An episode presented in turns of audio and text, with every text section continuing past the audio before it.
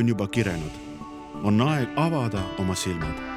kell on kaheksa null null ja teid ootavad hommikuloomad.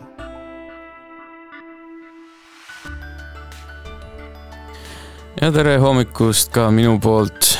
kell on saanud kaheksa null null, mina olen Samuel Aksel Maikalu ning tõepoolest on alanud saade Hommikuloomad seda hommikuloomade kõlli, nagu ka mitmeid teisi kõlle ja reklaame, on sisse lugenud äh, meie oma raadio häälmaskott Siimar Kivisild ja juhtus nii, et täna ta istub ka siin laua taga, tere Siimar! tere, väga suur rõõm on siin olla.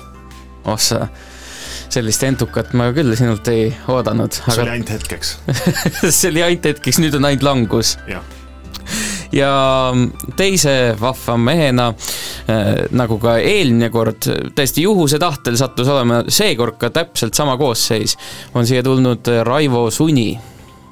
ja tere hommikust sa muidugi räägid nüüd nagu eelmine kord, see oleks nagu eile, tegelikult see oli aasta tagasi, kui me samas koosseisus kokku saime. noh, jah ja,, oligi eelmine kord. hommikust jah, et ma vaatasin, sa tegid Siimarile sellise hea kommentaari, et niisugune entukas sees. ma just kuulasin su esimesi avasõnu, need olid siuksed tere hommikust. karu on koopast välja peab jälle saadet tegema, et.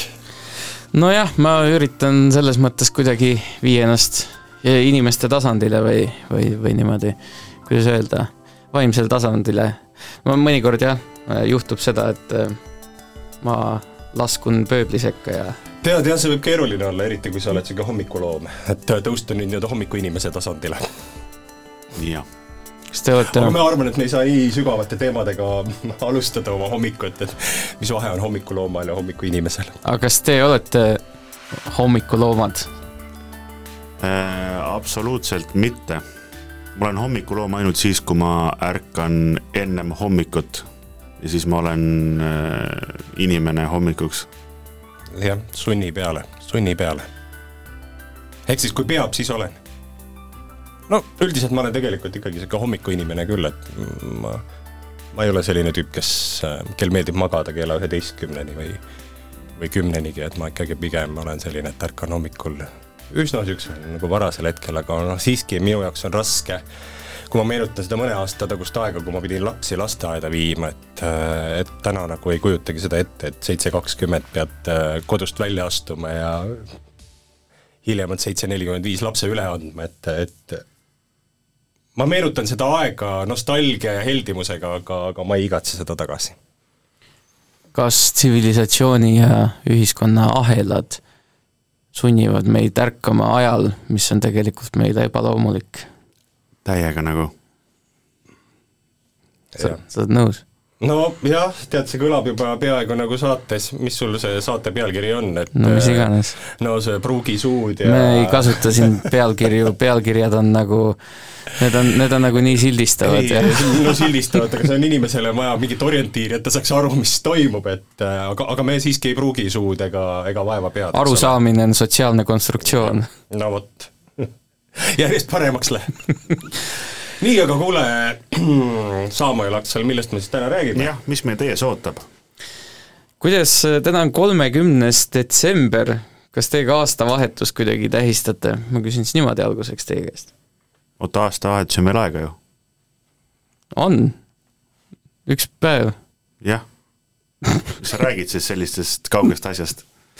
ahah, et sa, sa, sa elad hetkes selles elame mõttes. hetkes, võtame sellest aastast viimast veel ma arvan, see on päris hea lähenemine.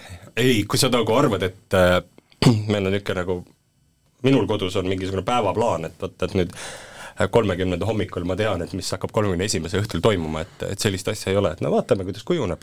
ega me ju ei tea midagi, vaata eile oli veel täiesti talveilm, praegu on sügisilm, homme on, kes teab, mis on, et äkki saab selle... esimesed suvesoojad? jah ja,, aga me võime muidugi sellest rääkida üldse, et mis aasta mis see aastavahetuse tähendus inimestel on, et et mõne jaoks on see tähtsam, mõne jaoks on see väga tähtis, ma mõtlen selliste äh, idamaade aastavahetustele, et kus noh, mis on selgelt nagu ilmselt niisugune Hiina uus aasta, mis äh, kumab ka siia meie kanti ära, et, et see, inimesed võtavad seda vaata et tihtipeale tõsisemalt kui kolmekümne esimest äh, detsembrit ja noh, eks ta muidugi, mis see kolmkümmend üks detsember, mingi üks äh, kuupäev kalendris. Jäneseaasta tuleb. teadsite? jäneseaasta. kusagil mingeid reklaame nägin. jäneseaasta mm? -hmm. aga mida see täpsemalt tähendab? lihtsalt see, et tuleb joosta, veel kiiremini joosta. no iga tähtkuju jaoks tähendab see erinevat asja ikka. mida see tähendab? ma ei tea, ma ei tea, mida see tähendab. kusjuures ma siin eile istusin sellises seltskonnas, et olid kirikuõpetaja nõid ja füüsikaõpetaja olid ühe laua taga. see kõlab nagu me... mingi nalja algus see kõlab nagu nalja algus, aga see oli meie saate algus. ja rääkisimegi sellest, et mida uus aasta ette toob ja nõid natukene paotas suud ka selles osas, et mida tema näinud on ja mida ta näinud ei ole. et eh, mehed tema kõrval jäid pigem nagu vaguraks selles osas. aga see oli väga huvitav ja see jõuab homme juba siis äh, eetrisse. vot sellised lood, aga võtame siis äh, vahepeal ühe laulu, mm, kuulame hommikuks äh, sellist toredat untsakat isamaalist lugu nagu, nagu Kallim, ega sa veel ei lähe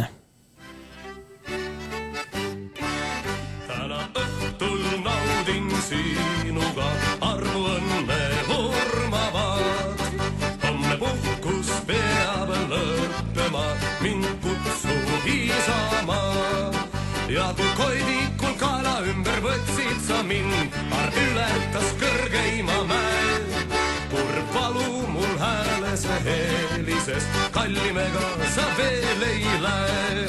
ja kui koidikul kaela ümber võtsid sa mind, arg ületas kõrgeima mäe. kurb palu mul hääles helises, kallimega sa veel ei lähe. ikka meelestub see koidikul viimne suudlus sinuga ja kui olen kord idast ma sõjaral, oled mulle armsam veel. Kättesaamatu, kui see Koidu tähtsel varahommikul. kui see palav pilt ja see armas hääl, kallimega sa veel ei lähe.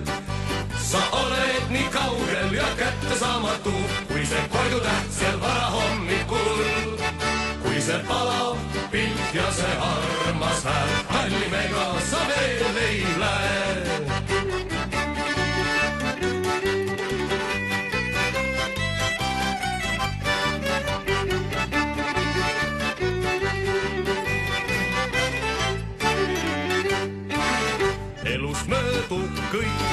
Saabub aeg, kui sind jälle emblen ma.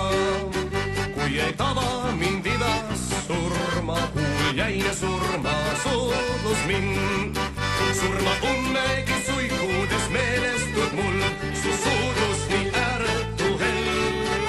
kui tuul sul tasa kõrva soosistab, kallimega sa veel ei lähe. Surma unnegi suikudes meelestud mul su soodlus nii ääretu hell. kui tuul sul tasa kõrva soosistab, kallimega sa veel ei lähe. auvalgel viimast korda veel sinu nime hüüan ma. kustun ühes Koidu tähega, sangar sureb rõõmuga. ehkki kaitsenud verega, marmortahvlit mu nime kord loed pisar silmanurgas säädeleb, lein jääb, sulle jääb ehkki kaitsenud kodumaa oma verega, marmortahvlit mul nime kord loed. pisar silmanurgas säädele, lein jääb,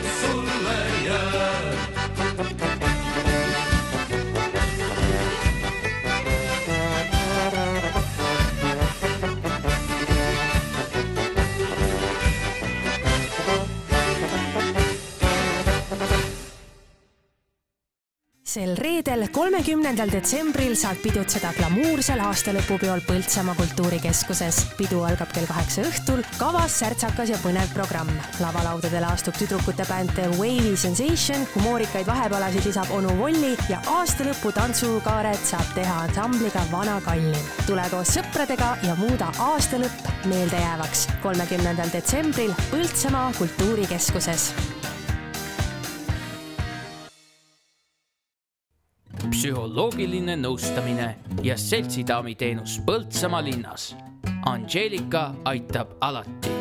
helista viis null viis kaheksa üheksa seitse kolm või kirjuta Angeelika Valdre Facebooki. Angeelika aitab alati.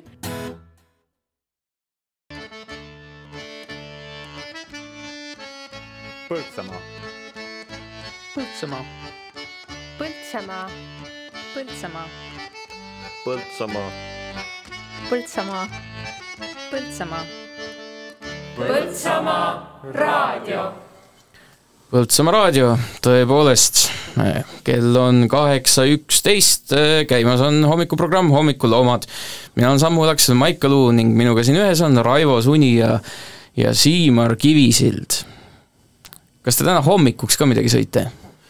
absoluutselt, ma jooksin kohe, tulin bussi pealt siia hommikusaatesse, aga oli aega Olerexist võtta omale Wrap, see oli üks niisugune imeline, imeline, imeline toode, mida ma, kui see Olerex tuli esimest korda Põltsamaale ja ma sain selle, siis minu elu muutus, aga siis mul ei olnud raha, et seda osta. nüüd, kus ma teenin ise omale palka, nüüd ma saan kogu aeg omale võtta, kui mul oleks soov seda aga ikkagi see on niisugune helde mälestus, et ma ei, ei priiska sellega, et ma aeg-ajalt luban ainult omale. sul said peaaegu selle bussi peale hiljaks, millega sa siia Tartust tulid, aga siis sul oli ühe Bolti mehega sügav side. ei olnud sügavat sidet, ma ei tea, mida sa siin kirjeldad, lihtsalt me mõlemad mõistsime, et minul on vaja bussi peale saada ja ja tema on see, kes seda teenust osutab mulle. ja siis ta vajutas gaasi tugevalt ühel libedal teel. ei no et noh, sa võid ju seda niimoodi kirjeldada, ühesõnaga bussi peale ma jõudsin. see oli tore, et see asi sai äh, ühele poole ja siin ma olen. tippi, tippi ka ikka jätsid? mis me minust nüüd räägime ei, see, see oli moment, see oli, see oli üks nendest elulistest momentidest, tead, sa kirjeldasid ma seda mõtlesin... enne mulle nii sügavalt, et jaa, jah, aga me räägime praegu hommikusöögist üldse. sa tuled, hakkad, sõidad sisse kohe siia mingisuguse bussilooga. no kas sul oli siis, no olgu, oli see siis nii sügav hommikusöök sinu jaoks kuidagi, et nii no, tähendusrikas. Siim, Siim ju rääkis ära. ma just ju seletasin. kas sa panid tähele, Saamuel, ta rääkis, et no, okay, ei, elu oli panin... unistanud, aga raha ei olnud ja siis tuli raha ja siis ta ei olnud nagu seda tüüpi mees, et nüüd iga päev ainult käib Olerexis äh, Wrappi söömas või oli see Wrap või? oli vist Wrap küll, jah. jah, vaid on ikkagi suutnud ei, ma panin tähele, aga minu arust see ei olnud üldse nii lahe lugu kui see Bolti mehe lugu pead lihtsalt lähenema õige nurga alt hommikusöögile ja siis see muutub ka lahedaks. ei, ma ei ole nõus, mina tean, mis on sulle tähendusrikkam kui sina. Raivo. kuidas sinul, Saamuel, ma küsiks hommikusöögi koha pealt? oled sa juba täna söönud? Äh, jaa, selles äh, Purgis energiajoogi purgis on päris palju kaloreid ja siin on ka erinevaid vitamiine sees ja, näiteks. sinna saad hommikupõõru sisse selles mõttes, et ja... Äh, ma ärkasin siin ja siis ma võtsin, läksin, võtsin selle energiajoogi ja ja, ja kuna kohvi siin ei ole, siis äh, ma olen kofeiinisõltlane nagu enamus äh, meie maal elavaid inimesi. ja siis ma nägin juba aknast Siimarit ja siis ma läksin, tegin alt ukse lahti. jah, mina noh, muidugi ma midagi pissin hamba all lihtsalt sellepärast, et äh, kusagilt on jäänud meelde niisugune tõdemus või tarkus, et et hommikul tuleb süüa, enne kui sa hakkad midagi sisulist toimetama, siis ma ikkagi nagu midagi, midagi võtsin aga see Siimari mõte minu arust on väga niisugune vahva mõte, eh, see, mis ta rääkis eh, nüüd sellistest unistustest ja, ja, ja mälestustest seoses, eh, seoses toiduga, et ma just tahtsin nagu rääkida, tuues seda asja natuke niisuguse Põltsamaa konteksti ja see võib-olla ei ole seotud nii väga hommikusöögiga kui üleüldiselt, et ma mäletan seda, et kui mina siia Põltsamaale tulin umbes kümmekond aastat tagasi või natuke rohkem, siis oli äh, no tegelikult on siiamaani üks sihuke tore pood, äh, Kördiööbiku pood, kus äh, sai tookord äh, müüdi peaasjalikult sellist kohalikku, kohalikku toodangut, et seal sai ka mm, vist oli Pajusi kandis, valmistatud pelmeene, suure jaani vorsti ja muidugi nende enda sortiment, mida nad, mida nad valmistasid lihaleibadest, sibulaleibadest ja kõigest. kahjuks ma pole nüüd viimasel ajal sinna jõudnud, ma ei tea, kas teist keegi on jõudnud kõrdiüürikusse, et minu teada on see alati siis kinni, kui mina sinna lähedusse jõuan ta on jah, sellistel väga veidratel aegadel lahti, et ta vist, kui ma õigesti mäletan, et teisipäevast äkki reedeni kella kümnest kaheni või midagi niisugune on tema lahtioleku aeg, et sa pead täiesti nagu sihtima oma mineku sinna. ja veider on see, et ma, ma mäletan, nagu mul on mälestus, et seal on head asjad, aga ma ei mäleta, et ma oleks seal kunagi käinud jah, ja minul on äh, just mälestus sellega, et kui ma siia Põltsamaale sättisin, siis ma vaatasin, et nad äh, noh, Põltsamaa tõega nagu täiega toidab ära, et siin on juustutehas, siin on veinivabrik, siin on vorstitöökoda, siin on pagarid, et et see selline kohalik eripära ja, ja me tulime ja tõesti ostsime kogu aeg. ja nüüd on sellest nii palju aega mööda, mööda, mööda läinud, et kogu see selline õhin, mis mul on ainult mälestustes, et, et sa tulid siia ja, ja ostsid seda kohalikku äh, Äh, toitu, et, et see õhin on nüüd nagu kuidagi kadunud, et nüüd käid ikka Selveris või, no, või Maximas ja et seda mõtet, et ma nüüd komplekteerin oma toidukorvi sellest äh, toodangust, mis siin kohapeal valmistatakse, et see on kuidagi nagu kuidagi tahaplaanile jäänud, et sellest on nagu kahju, et, et sellest ju elavad meie ettevõtjad, kohalikud, kes ja. seda asja valmistavad. no siin ongi ju Selverid ja Maximad ja meie poed ja igasugused, äh, sellised suured ketid no aga palju siin ongi mingisugust kohalikku toodet, mida sa saad? no okei okay, no, jah, mingi talunik võib sulle äh, tuua mõnda asja nagu nii-öelda mahena ma eeldan, et see vist oli lihtsalt omal ajal, vaata. ja me räägime omast ajast, aga tegelikult tänapäeval on ikka mõningad, mõningad poed, mida ma täiesti soovitan sellistele patriootidele, koha, kohafännidele külastada, näiteks Jõe lihapood või Puuristi pood, kus kohalikku, kohalikku talu siis liha pakutakse siis äh, jätkuvalt, kuigi jah, sinna kõrdiööbikusse pole ka sattunud mõnda aega, aga ma siiski, kuna ta on lahti, siis ma soovitan sinna minna, kalapood, seal võib saada kohalikke talunike aiandussaaduseid lisaks kalale, nii et midagi on, aga see, see pilt on väga kitsaks jäänud mm.. nüüd ei tooda vist veini ka enam Felix, kuuldavasti. mahlad vist ainult või? mahlad jah, ketšupid ja jah. teate, täna on veel ülemaailmne peekonipäev, kui internet muidugi ei valeta, mida ta mõnikord, mõnikord teeb. aga siis mul on küsimus selleteemaline, et mis on teie suhe peekoniga, kuidas mõtlen, et peekon justkui sobib justkui iga asja kõrvale ja iga asja sisse ja ja see siis toorelt, see küpsetatult, et kas te olete ka tarbinud seda lihatoodet või liha jääki? ja mina olen küll lihajääk see kõlab väga hästi, lihajääk ja minul on äh, minu pere naispere siis ütleme nii, tütar, tütar, vanem tütar ja, ja abikaasa on suured peekoni ja muna fännid. peekonimuna, see on niisugune nagu ameerikalik niisugune nagu lahendus. jah, aga see ei ole muidugi midagi sellist, mida me iga päev sööme, et äh, kord nädalas võib-olla, kord kahe nädala jooksul, et aga nii et kui sa selle küsid, milline on minu suhe sellesse lihajääki siis on see pigem positiivne. selge, Saamäel, sina oled varem poes näinud peekonit? Äh, kaugelt. kaugelt ainult, lähedale ei, ei kipu? aga miks sa, miks sa lähemale ei kipu? ei no tead, äh, ei noh, tead, ei ole niimoodi otsa sattunud lihtsalt, jah ma ei tea. ega see on täitsa okei okay,, aga meil on niisugused pudrumehed mõttes..., pudrumehed on ka väga niisugused kõvad mehed tegelikult. ei, ei minu arust puder on väga halb, pudruga ei tohi ikka hommikut, hommikut peab ikka niisuguse valgu ja rasvapommiga alustama. aga näed, peekon ei ole lihtsalt niimoodi väga teele sattunud. Äh, kusjuures see on väga huvitav, et üldse niimoodi küsida, et no miks ei satu, noh no miks ei sattu, no jumal seda teab, selles mõttes, et see, tead, ma läksin ükskord, olime kuskil Ülemiste keskuses ja ma seal olin oma oma tädiga koos ja siis ma ütlesin, et kuule, ma hüppan kiiresti siit Maxi Marketist läbi ja ma ostan jäätist. et kas sa tahad ka, ütles jaa, võta mulle see väike Tommi jäätis. ja ma endale läksin otsima seda siis Vana-Tallinna seda või Vana-Toomase seda karamelli oma ja siis, ja siis äh, lähen otsin need jäätised üles sealt ja siis üks tütarlaps tuleb minu juurde ja, ja küsib siis, et, äh, et tere, vabandust, kas teil on hetk aega, et paar küsimust, siis ma vaatan, no jäätis päris ei sula veel, okei okay siis, siis ta hakkab mind, minult uurima, et miks ma just selle jäätise valisin. no ma ei tea, ma ei tea, mulle maitseb. no miks sulle maitseb? kuidas sa oskad sellisele küsimusele vastata?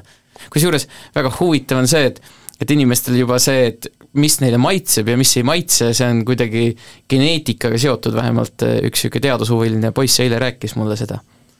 ja, ja noh aga..., kuidas sa oskad sellisele asjale nagu vastata, et et küsitlus on ikkagi nagu halb meetod nagu teinekord. Jah, aga kui sa ütle, ütled, et no lihtsalt ei ole sattunud sinna Peekoni vaatevälja, siis no see on täiesti normaalne, et kui sa käid energia, pidevalt selle energiajoogi leti ääres, no siis seal tõesti Peekonit ei ole, et võib-olla kui kui see, kui see, kui su kauba on maitseline energiajook. Kui see, kui see nii-öelda kaubariiul ümber seetakse nii, et sinna energiajoogi kõrvale pandaks ka Peekonit, siis sa võib-olla märkaksid seda ja, ja ostaksid seda.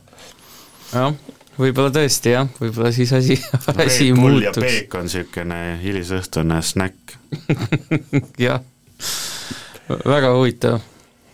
Äh, vot, aga ma saan aru, et äh, meil on äh, vist praegu mingi muusikapala tulemas. Aa, ja, muusika... pärast, ja pärast seda me võime siis hakata rääkima juba natuke rohkem ka kohalikest asjadest, eks ole?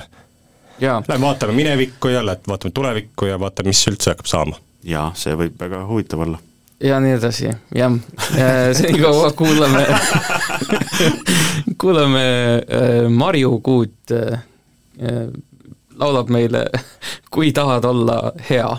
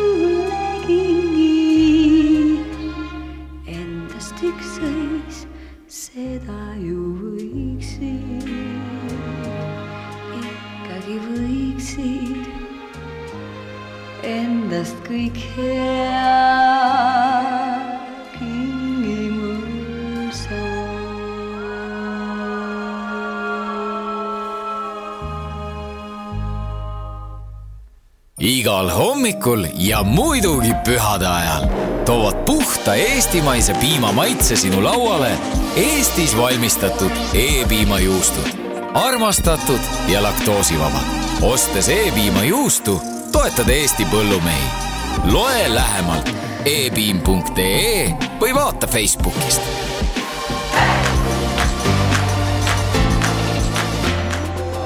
Kesk-Eesti võimsaim maamärk Põltsamaa loss ootab sind külla. tule külasta muuseumit, käsitöökodasid ja näituseid. korralda sündmus ajaloohõngulises restoranis või uhkes Rocco saalis. telli lossi ekskursioon või imetle kaunist kirikut. vaata lisa põltsamaloss.ee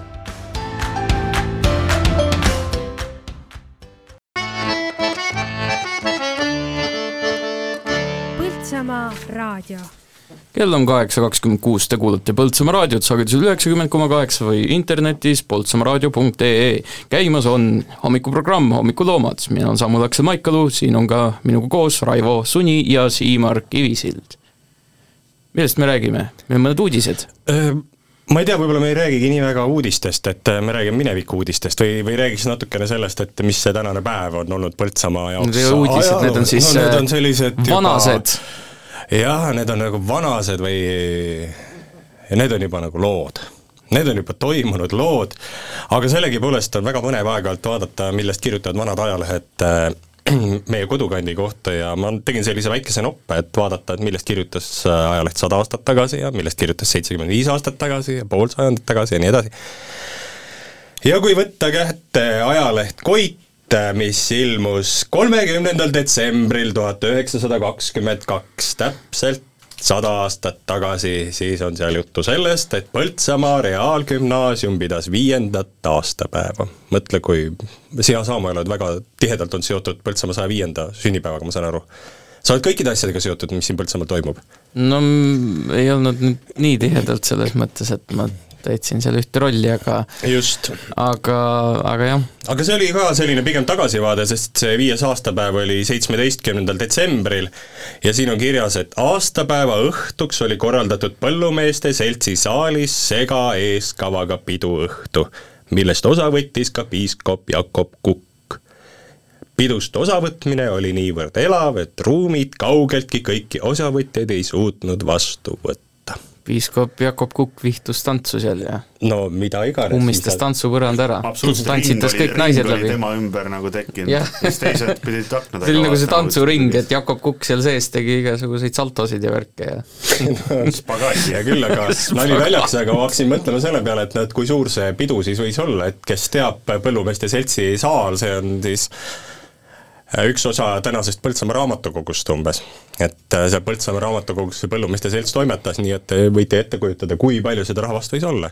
et äh, raamatukogus on praegu ka üks saal, see on see siis galeriisaal või, või konverentside saal, et et võib oletada, et neid külalisi võis olla seal niimoodi mõnekümne ringis äkki. seltsid ikka tegid ägedalt seda, et, et ma vaatangi, et kui tänapäeval see MTÜ-ndus on nagu jõudnud sinna, et sa kirjutad äh, mingisuguseid projekte, ehk siis kor-, noh, sisuliselt kerjad riigivõimudelt või avalikult võimult kuskilt pidi raha, on ju, on see siis Euroopa Liit või, või, või mingisugune riiklik instants, aga et äh, siin oli tore pidu, oli see Lustivere rahvamaja see sünnipäev, see oli mingisugune suur juubel, tead, ma ei mäleta seda täpset numbrit, aga ma olin seal peol kohal ja ma mäletan seda lugu, äh, ja see lugu oli siis ikkagi selline, et inimesed tulidki kokku ja ise, ise tegid kõike.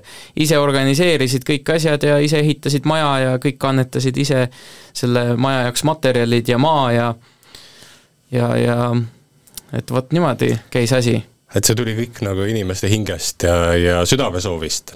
no ma vähem, mõtlengi. vähem selliste üksikute sädeinimeste entusiasmist, et kes äh, no eks seal, eks seal juhid olid vast ikka ees, aga noh, selles mõttes alati ju on keegi, kes nagu veab seda asja, aga aga nojah, see on kuidagi muutunud, võib-olla vaata, see on ka see, et et see riik on nagu nii paksuks läinud ja siis, ja siis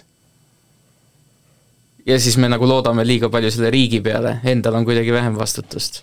No vot, aga läheks sinna saja aasta tagusesse aega, et meil siin juba piiskopist äh, oli juttu, et võib oletada, et äh, tema ainus missioon ei olnud äh, kooli viiendat sünnipäeva külastada, vaid vaid samas lehenumbris on kirjas, et no võib-olla isegi nagu mingis mõttes niisugune kurb tõdemus, et Põltsamaa kogudusel ei ole praegu ei õpetajat ega köstrit, see oli siis sada aastat tagasi.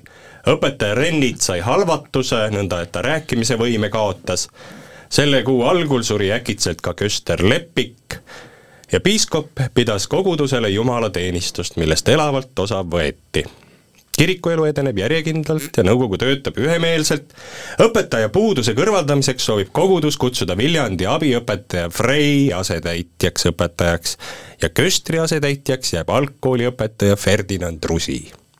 vot kui meil oli täna juttu Kördi ööbikust ja Kördi ööbiku poest, siis kunagi oli see ju tütarlaste selline kodunduskool või ja, ja Ferdinand Rusi oli siis selle kooli juhataja mm. -hmm. Ja et sada aastat tagasi oli, ma saan aru, siis väikest viisi kriis siin kohalikus usuelus, et et äh, õpetas halvatuse ja köster suri ja ja siis, või, ja, ja siis tuli... võeti elavalt osa. ja, ja siis tuli, piiskop tuli, no muidugi see võis olla suur asi, kujuta ette, et tänapäeval tuleb äh, tuleb mõni tähtis kirikutegelane üleriikliku tähtsusega, vot suvel no Urmas Viilma tuleb siis näiteks. näiteks jah, peapiiskop tuleb, räägib ja nagu ta siin suvel käis. Mina ja. isiklikult sellel üritusel küll ei osalenud, äh, ma ei tea, kas keegi osales? kiriku taastamise aastapäeval. kas oli siis rahvast äh, üle küla kokku voorimas? no ikka oli niimoodi, et istekohti nagu ei jagunud ja et oli suur üritus, no president tuli ka kohale ja puha, et ma pidin sealt kirikust küll ise nagu natuke varem lahkuma, sest me tõmbasime kostüümid selga ja, ja siis hiljem elavdasime seda rongkäiku. Aga oli küll suur üritus selles mõttes, vägev sündmus oli jah. jah, äh, ma arvan, et võib-olla enne muusikapala me jõuame veel võtta läbi ka selle, mis toimus seitsekümmend viis aastat tagasi, et äh, hämmastaval kombel, aeg nii ruttu edasi läinud, et seitsekümmend viis aastat tagasi ei olnudki üldse enam nagu vaba Eesti aeg, vaid, vaid siis oli ikkagi juba selline väga tõsine Nõukogude aeg. ja Töörahva Hääl, mis on Pärnu rajooni ajaleht, kirjutas kolmekümnendal detsembril tuhat üheksasada nelikümmend seitse, et Viljandimaal täideti neljanda kvartali metsatööde plaan. see on ETA uudis Viljandist metsatööliste pingelise töö tulemusena täitis maakond kahekümne neljandal detsembril neljanda kvartali plaani raie osas saja kaheksakümne nelja koma seitsme protsendiliselt ja väljaveoplaani saja ühe koma kahe protsendiliselt. metsapunktide vahelises sotsialistlikus võistluses on esikohal Põltsamaa metsapunkti kollektiiv, kes täitis raieplaani saja kaheksakümne seitsme koma viie protsendiliselt ja veoplaani saja kahekümne kolme koma kolme protsendiliselt temale järgnevad Aimla, Vastemõisa ja Karksi metsapunkt. nii et öeldi, et võta sada puud maha, võeti sada kaheksakümmend seitse. no vaat kus laps. jah. Sai hoo sisse ja see võib olla tõesti niimoodi. Ega ei kujuta ette, mis see neljakümne seitsmenda aasta talv oli, et ilmselt oli soodne aeg ka metsatööde tegemiseks, et, et äh, oli võimalus. aga see on jah, saja kaheksakümne seitsme protsendiselt tänapäeval niimoodi töö, vot me ei mõõda tänapäeva protsente, et see on põnev nagu niimoodi. Et mitmeprotsendiliselt Saaval Aksel Maikalu olete te täitnud raadiosaadete ettevalmistuse programmi. aa, kusjuures ma täna hommikul just vaatasin järelkuulamiste statistikat ja võrreldes äh, möödunud nädalaga see nädal äh, meie tõus on täpselt äh, kolm tuhat kakssada kakskümmend seitse koma kaks protsenti. Oi-oi-oi, selle eest võiks teile anda juba üleliidulise punase lipu. Võib-olla ka, võib-olla Stahhanovlase tiitli ja head sõnad, proovi veel rohkem hästi. no te aga olid, olid mõttes... sellised ajad, kus äh, jah, vaata pandi need protsendid ritta ja siis öeldi ära, oled mees, ei ole. jah, aga tänapäeval loetakse siis seda rahalist kasumit, kui palju see kasvas ja see on see, mis lõpuks siis märgib ära kas oled mees või ei ole. just aga ma saan aru, et äh, ega me ei saa liiga tihedaks ka seda hommikut täis rääkida, et me jõuame vaadata seda, mis viiskümmend aastat tagasi toimus ja mis kakskümmend viis aastat tagasi, võib-olla järgmistes jutuplokkides jah, aga senikauaks äh, sinu enda valitud lugu Lilleke rohus.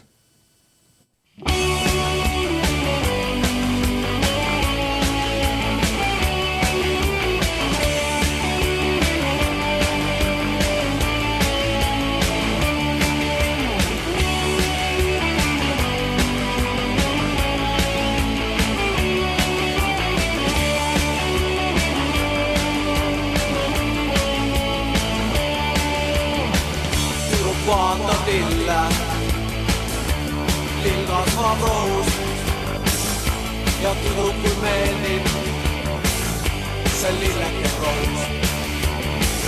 tüdruk vaatab lille, mina tüdrukut rohus ja minule meeldib see lilleke rohus. lilleke rohus lilleke roos, lilleke roos.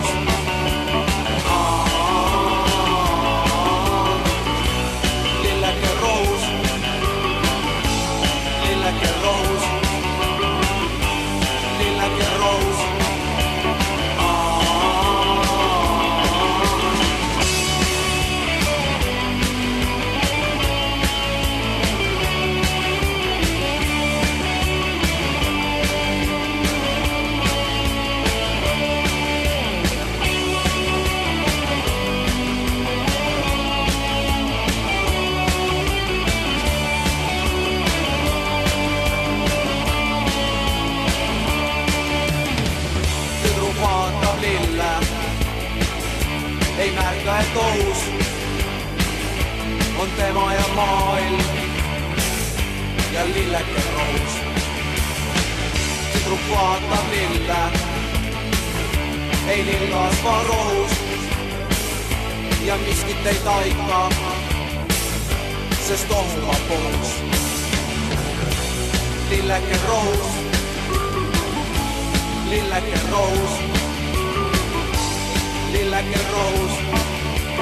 rohus lilleke roos, lilleke roos. lilleke roos, lilleke roos, lilleke roos. lilleke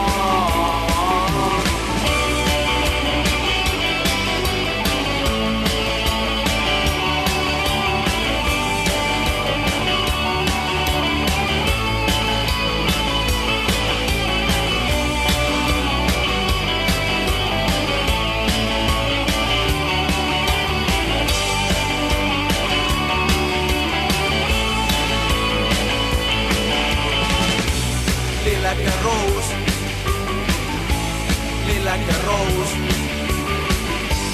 lilleke roos.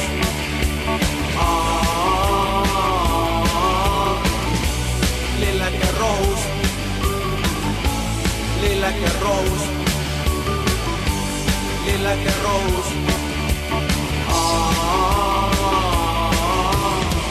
tüdruk vaatab lille lill kasvab rohus, on tema ja maailm, on tema ja maailm, on tema ja maailm ja lilleke rohus, lilleke rohus, lilleke rohus, lilleke rohus.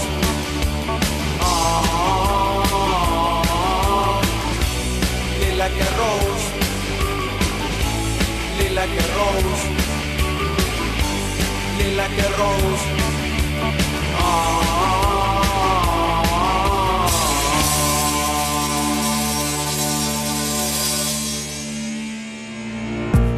Oled huvitatud oma metsa müügist või korrastamisest? metsaserv majandab metsa heaperemehelikult, pakub omanikele mugavat ja kiiret teenindust. võta ühendust info at metsaserv.ee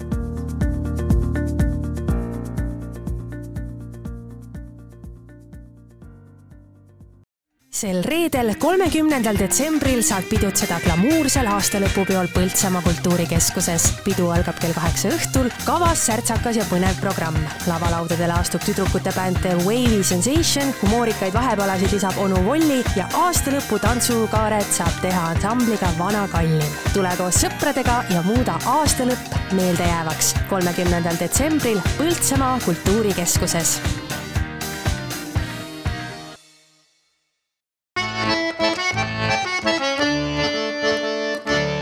Põltsamaa raadio. ja te kuulate Põltsamaa raadiot, hommikuprogramm Hommikuloomad, siin Samuel, Raivo ja Siimar. vot nagu te reklaami just kuulsite, siis täna õhtul juba toimub Kultuurikeskuses üks vahva pidu. ja me loosime ka välja kaks priipääset, aga seda saate lõpus, te saate selles osaleda niimoodi, et te lähete meie Facebooki lehele ja leiate sealt üles selle viimase postituse, mis käib selle peo kohta ning teete sinna alla ühe kommentaari, vastates küsimusele, mis seal postituses esitatud on. küsimus oli see, et mis on kõige vajalikum asi ühe peo juures, ilma milleta ei saa korralikut simmanit maha pidada. aga nüüd on kätte jõudnud see hetk, kus me loosime välja Decora kinkekaardi. Decora kahekümne eurose kinkekaardi no selle eest saab juba ju päris palju. arvad? absoluutselt, ma siin no mis sa saad selle juba selles kahekümne euro eest Decorast? no kahekümne euro eest, ma ei tea, siin üks asi, mida kindlasti saab kahekümne euro eest, sa saad vaipkatte pilleriin. Ja kui sa küsid, mis asi on vaipkatte pilleriin, siis tegu on ikkagi ägeda autoteede ja linna kujutava vaipkattega, lõpumüügis ka veel pealekauba, ma saaks kaks tükki selliseid ja siis ma saaks omale teeküünla ka. jah, ja Samuel, sa käisid ja rääkisid, kui sa siin enne heietasid siin muljeid, kuidas Siimar siia jõudis, siis meile jõudsid sa enne eetrit rääkida sellest, kuidas sa käisid lõhnaküünlaid ostmas Decorast, et Oskad ütle nüüd, kui palju lõhnaküünlaid sa saad kahekümne euro eest? vähemalt neli tükki vähemalt neli tükki, isegi viis võib-olla jah. vot jah, mul oli jah selline lugu, et ma läksin Decorasse ja vot ma olen selline mees, et ma ei jalutanud, otsustasin kaks kätt taskus sealt välja ei jaluta, ainuke asi, mis ma ehituspoest ostsin, olid lõhnaküünlad. et mida see minu kohta näitab, no vot, ei tea. et sa oled romantiline mees. võib-olla, võib-olla tõesti jah, aitäh, et sa seda nii ilusti sõnastasid äh,. Igatahes, Decora kahekümne eurone kinkekaart. mida sina ostaksid selle eest, Raivo? Põltsamaa Decoras on igasugust matti. nagu öelda, et mis ma ostaksin, et mul ei ole praegu mingisugust kindlat mõtet või kavatsust midagi osta, et sissemaks akutrellile. jah, ma ei tea, Decorast vist ei saa osta järel, järelmaksuga, et ma saan sisse maksta kusjuures ma ei teagi, mis ma ostaksin, tead, ma mõtlesin kohe siin ühe mingisuguse, kas see oli ka mingisugune hommikuprogrammi mingi küsimus, et et mis peab olema igas kodus, mis tööriist peab olema ja siis ma mõtlesin kuidagi nagu käis läbi Mac-, MacGyveri teip, et noh, ja pärast vist tuli välja, et see oligi õige vastus, nii et ma arvan, et võib-olla ühe Mac-, MacGyveri teibi ma ikkagi ostaksin. ma ei tea, kas ma saaks kahekümne euro eest, võib-olla saaks? ma arvan, ikka saaks. võib-olla kaks, siis ma ostaks kaks rulli mm -hmm.. võib-olla ostaks ka kolm, viiks sõbrale ka. ja, jah sõpradele, sugulastele? jah, aga üldiselt hetkel mul ei ole mingit niisugust, no ja niisama, et ma lähen kakskümmend eurot näppus, et ostaks midagi, mis, mida saab. et need ajad on vist möödas, et kunagi oli küll nagu, lapsepõlvest on nagu meeles mingisugune, kangastub selline pilt, et sa läksid oma rublaga ja pro-, proovisid saada võimalikult palju asju selle ühe rubla eest, et noh. ma mäletan, kui mina lapsena käisin seal Decoras, no ega ma ise siis ei käinud, aga sattusid niimoodi vanema käe kõrval minema, siis minu lemmik oli alati relvade lett. no ja see on see koht, kus siis olid igasugused sellised tööriistad, noh nagu kvaldad ja kirved ja ja nii edasi. aga tookord võib-olla äkki ei nagu olnudki poe nimi Decora, siis oli äkki Ehituskamma, kas sa mäletad, niisugune pood oli Ehituskamma, täpselt sama koha peal. aa, ja nüüd oleks siis Decora alla nagu? jah, ma ei tea, kuidas need omandi suhted on, sama koha peal, jah ei tea, ei sina käisid võib-olla ehituskammas. no vot, võib-olla ehituskammas oli kõvem relvade lett, nüüd on neid äh, relvaseadusi nii palju hakatud äh, piirama, et äh, aga loosime siis lõpuks selle välja. jah, kas sa oled teinud kas sina teed otsuse või teeb otsuse külm kalkuleeriv masin? selle otsuse teeb täiesti külm ja kalkuleeriv masin. Siimar, kas sa oleksid nii lahke ja vajutaksid seda nuppu? jaa, see suur punane nupp keset lauda, ma vajutan selle peale ja vajutasin. ja võitja on Mari Tiido. väga tore, palju õnne Mari Tiido, palju õnne sulle, külm ja kalkuleeriv masin suure punase nupuga otsustas, et äh, sina oled äh, Decora kahekümne eurose kinkekaardi vääriline. mida sa selle teadmisega edasi teed? No kuidas ta kätte saab selle, neid? kuidas ta kätte saab selle? Äh, võib siiasamma lossi järgi tulla ning küll me talle anname selle. vaata, see on ju väga huvitav, et äh, tõesti, et nagu mõelda, mõeldes Mari peale, et Mari võitis juba ühe auhinna, et kas see on nüüd täna Mari päev, et Mari võiks nagu täna ohtralt loteriipileteid osta, et täna tulevadki ainult võidud või ma ei tea, kus tõenäosusteooria ütleb selle, et ma ei tea, kas Mari on võitnud mingisuguseid auhindu, eks ta kuskil varem kindlasti midagi võitnud on, aga minu teada peaks, meie kas, raadios ta ei ole mitte midagi võitnud. aga kas täna peaks ta rohkem mängima või, või oleks nagu mõistlik, et äh, piirduda, mitte liiga ahneks minna, täna tuli auhind ära, mängi homme jälle? ma arvan küll, et ei tasu seda õnnekvooti niimoodi päevas äh, ära kulutada täiesti, jätta natukene mustadeks päevadeks. no vot, aga Mari Auks kuulame siis loo Isa tuli koju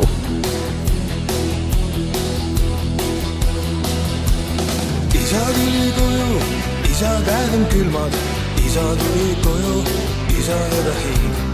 isa tuli koju ja ta kurvad silmad, isa tuli koju ja ta suitsuving. lapsed magavad vaikselt, akna taga on lumi, aknad taga on hanged, edasi jalgab öö. lapsed magavad vaikselt, nad ei tea, kes tuli, akna taga on lumi, edasi jalgab öö. isa tuli koju isa käed on külmad, isa tuli koju, isa ja ta hing. isa tuli koju ja ta kurvad silmad, isa tuli koju ja ta suitsuving. lapsed magavad vaikselt, isa vöögi otsa, lapsed magavad vaikselt, nii kord õpeb talv.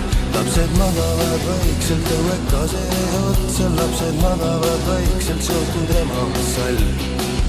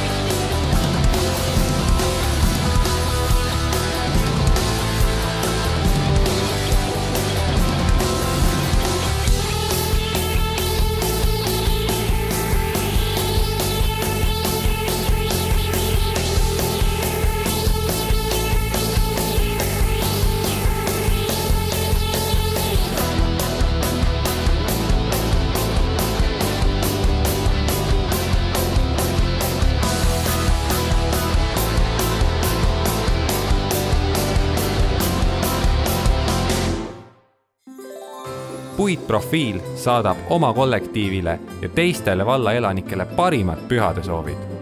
palju rõõmu südamesse, meeldejäävaid hetki lähedaste seltsis ja kordaminekuid uueks aastaks. psühholoogiline nõustamine ja seltsidaami teenus Põltsamaa linnas. Angelika aitab alati. helista viis null viis kaheksa üheksa seitse kolm või kirjuta Angelika Valdre Facebooki. Angelika aitab alati. valipress Trükikoda soovib praegustele ja tulevastele klientidele meeldejäävat uut aastat.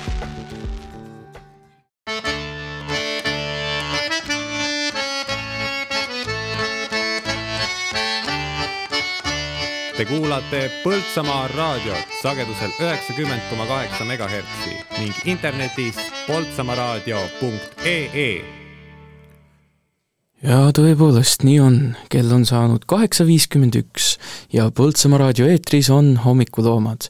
mina olen Samuel ning minuga koos on siin ka Raivo ja Siimar. tere! tere hommikust! Väga kena selline sissejuhatus, aga me heidame pilgu uuesti ajalukku.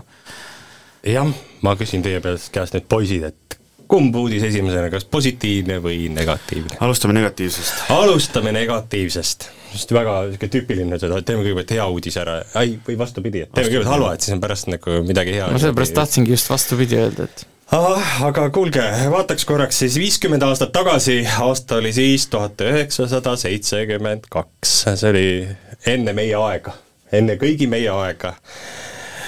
kui ajalehes Kommunist ilmus äh, pealkirjaga lugu Aeg nõuab kvaliteeti abimaterjalidest on madala kvaliteediga tehase Progress Põltsamaa tsehhis valmistatud tsellofaansoole kestad Nende kasutamine on põhjustanud kombinaadis valmistoodangu väljabrakeerimist. no tegelikult ei ole see mingisugune selline terviklugu, see on üks väike lõik äh, lihakombinaatide kvaliteedinäitajatest, Progress, tänane Kitzinger Progress, ei saanud hakkama tsellofaansoole kestadega. ja küsimus tarkade klubile, milleks kasutati tsellofaansoole kestasid? Ma ei tea, sardellide tegemisena. ossa, sardellide tegemisena? ma ei tea. mul pooled sõnad läksid kõrvust mööda, ma ei saanud üldse aru. aga ma panen oma vastuse lukku. täpselt, ma, ma progress ei saanud mööda. hakkama tsellofan kestade valmistamisega, tsellofan soole kestadega. tsellofan no, soole. Siimarilt oli, oli vastus, et äh, sardellid, sinult. appikene no ega ma midagi paremat pakkuda selles mõttes ei oska. pane ikka tsellofoon. kestade, soolekestade. kuulge, kas teie ei mäleta seda aega, kus äh, sa, tegelikult on see tänapäevani vist ostad vorsti ja. ja siis äh, lõikad selle vorsti terava noaga pooleks ja siis äh, pead hakkama seda kile küljest ära nokkima ja, ja vot see ongi see tsellofan äh,, tsellofan soolekest, mille sisse siis seda vorsti tehti, nii et päris hea pakkumine. viis punkti Siimarile yes. et sardellide puhul on põhimõtteliselt aga, aga vaata, kui huvitav see, et seesama ettevõte, mis täna tegeleb ju äh, roostevabast vist köögitehnika valmistamisega, valmistas äh, seitsmekümne teisel aastal tsellofansoole kestasid. see tähendab, et midagi on ühist nagu sellel asjal midagi siis on, jah. ja kuidas see hüpe toimus? ja kuidas see hüpe toimus, õnneks ma praegu mõtlen, et vaata, seitsekümmend viis aastat tagasi toimunud asjade puhul on neid inimesi, kes mälest-, mäletaksid, on ju väga vähe, et hea küll, et et võib-olla mõni mäletab sellist suuremat õnnetust või midagi sellist, aga seda, et kuidas no kas või seesama lugu, et kuidas seal metsas ikkagi saja puu asemel sada kaheksakümmend seitse puud maha võeti, seda nagu väga ei mäletata. aga meie hulgas võib olla täiesti inimesi, kes mäletavad sellest, kuidas neid äh, tsellofansoole kestasid toodeti, et võib-olla see on äh, mingisugune mõte Kaurile või, või või ka Rutt tänavale, kes teevad minevikuminuteid, et võtta korraks ette, et kuidas valmistati tsellofan soole kestasid. nii, aga mitte, et mitte jääda sinna kestadesse kinni. väga huvitav küsimus aitäh. jah, palun, aga võtame siis ette ajaleht Säde. kas keegi on lugenud ajalehtest Säde? absoluutselt mitte. absoluutselt mitte. see on jälle selline leht, mis on, aga kas te Meie Meelt olete lugenud? Meie meest, meie meest ikka aga meie meelt, meie meelt ei ole. vaata kui huvitav, et jah, et äh, vaata nüüd oleks see hetk, kus rääkida, et kui suured on ikkagi need põlvkondadevahelised erinevused meie vahel.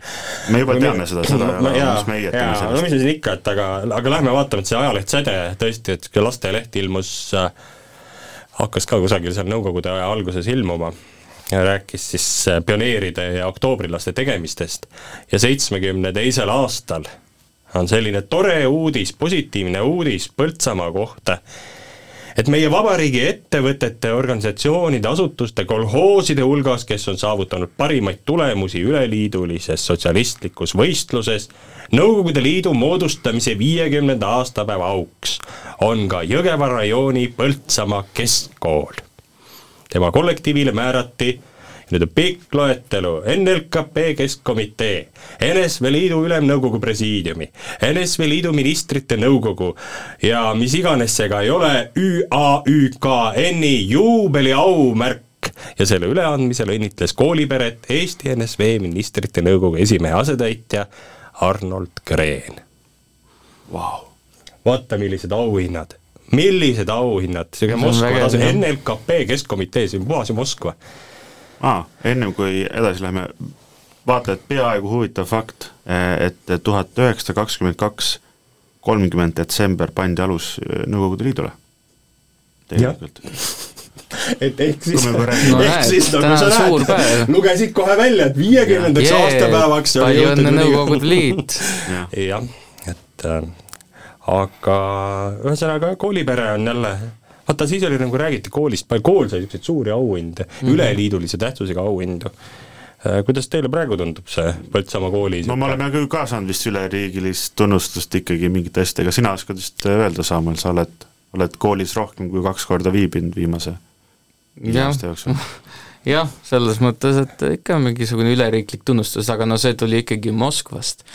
Et no näed, ma ei tea, kas meil on. Euroopas kindlasti Brüsselist mingi, kuskilt mingit niisugust või Washingtonist midagi sellist, et tuleb oli kohe. ministrite nõukogu e-, ase, esimehe asetäitja, jah. mõtle kui äge, kui omal ajal ase... Juncker oleks siia tulnud ja kõikunud siin natukene. ei, ma hakkasin just mõtlema, et äh, selles vaatevinklis, et äh, me ilmselt peaksime sellel teemal natuke rääkima järgmises tunnis, et äh, me ju kõik teame seda, et eile lahkus meie hulgast äh, Eesti ajaloo üks, noh ikkagi üks, ütleme niimoodi, et üks väga märgilise tähendusega poliitik, kes oli ka Eesti NSV ministrite nõukogu esimees, ehk siis äh, meie tänapäevases mõistes Eesti Vabariigi presi-, eh, peaminister üheksakümnendalt, üheksakümne teise aastani. et, äh, et noh, põhimõtteliselt peaaegu nagu sama tase tuleb siia ja surub kätt koolijuhile, siis oli Kalju Teras oli koolijuht.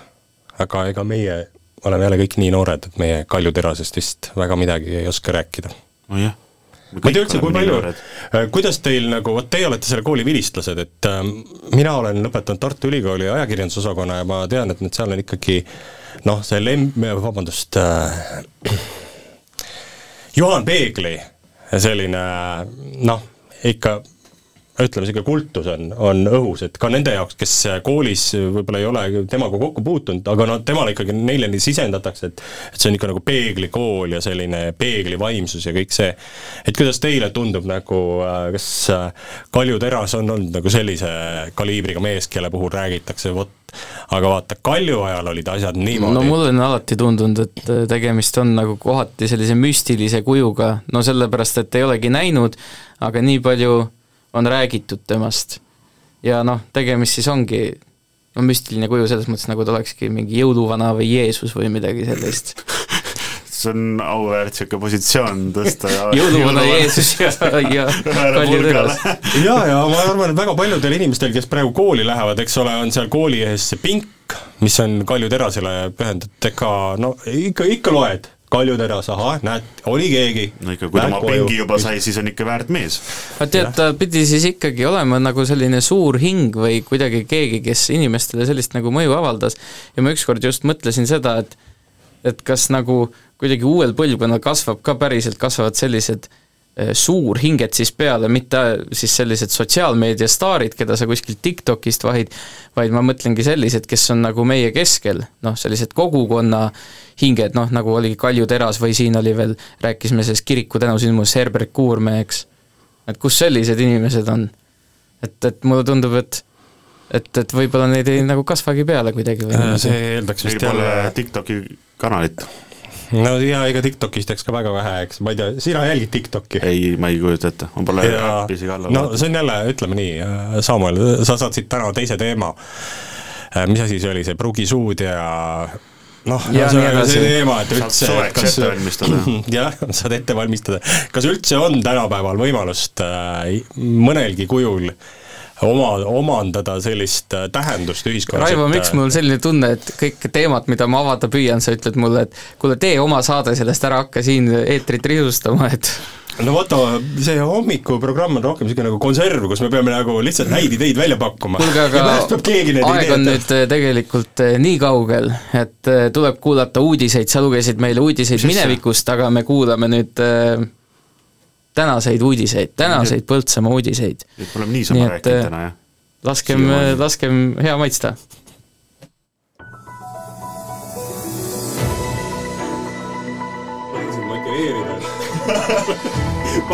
eetris on Põltsamaa raadio uudised, stuudios uudistetoimetaja Johanna Järva jaanuari alguses toimub Kultuurikeskuses Põltsamaa valla tuuleparkide eriplaneeringu avalik arutelu.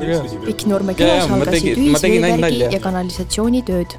Puurmani rahvamajas toimub kolmekümne esimesel detsembril aastavahetuse pidu. Põltsamaa valla tuuleparkide eriplaneeringu arutelu toimub viiendal jaanuaril algusega seitseteist kolmkümmend Põltsamaa kultuurikeskuses. eriplaneeringu eesmärk on selgitada välja kõikvõimalikud tuuleparkide rajamiseks sobivad asukohad Põltsamaa valla territooriumil määratakse kindlaks tuulepargi ja selle toimimiseks vajaliku taristu võimalikud asukohad, sealhulgas juurdepääsutee ja elektriülekandeliinide paiknemine koos liitumiskohtadega. arutletakse tuulikute võimalike kõrguste ja kauguste teemadel Põltsamaa valla tuuleparkide eriplaneeringu materjalid on leitavad vallavalitsuse kodulehel. arutelul saab osaleda ka veebi vaheldusel. Pikknurmes alanud ühisveevärgi ja kanalisatsiooni võrgustiku tööde käigus korrastatakse reovee puhasti ning joogiveepumpla ja trass tööd on planeeritud valmima vähem kui aasta pärast, kahe tuhande kahekümne kolmanda aasta oktoobris. projekt sai alguse möödunud aastal, kui saadi kaasrahastus Keskkonnainvesteeringute Keskuselt. ehitustööd võivad tuleval kevadel-suvel mõjutada piirkonna elanike tingimusi. Puurmani rahvamaja aastavahetuse pidu toimub kolmekümne esimesel detsembril üles astub ansambel Lillelised. tantsumuusikat mängib DJ Rein Karu, avatud rändbaar Peeker pilet maksab seitse eurot. suupiste vaagnate ja laudade broneerimine telefonil viis kaheksa kaks viis kaheksa neli kolm üheksa.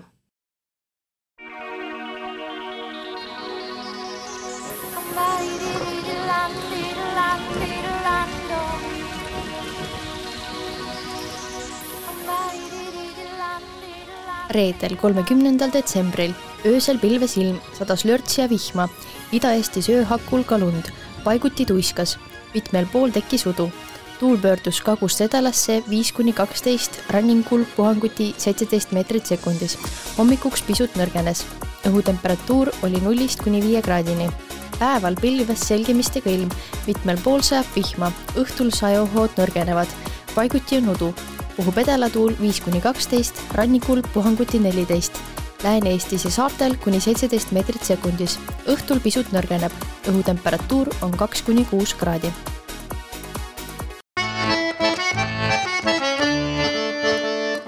Põltsamaa raadio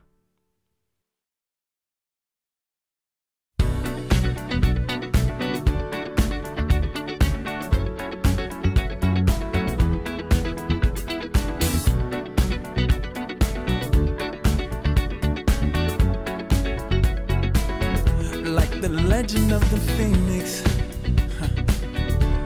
all ends with beginnings. What keeps the planet spinning? Uh, the force from the beginning.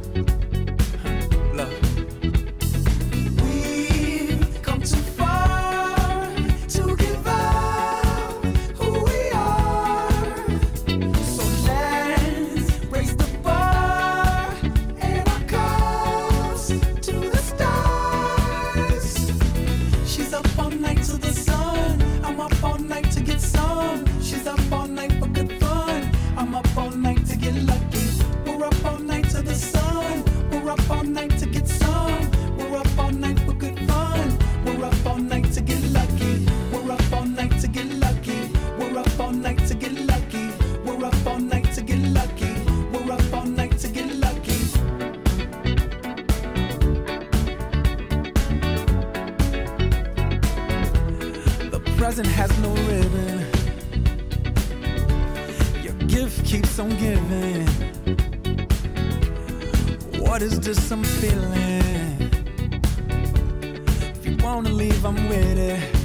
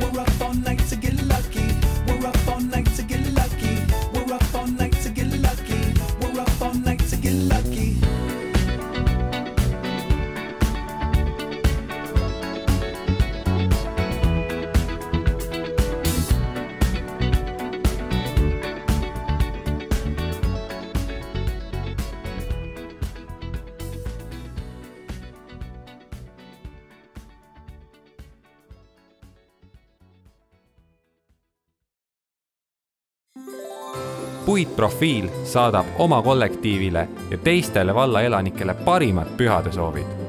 palju rõõmu südamesse, meeldejäävaid hetki lähedaste seltsis ja kordaminekuid uueks aastaks.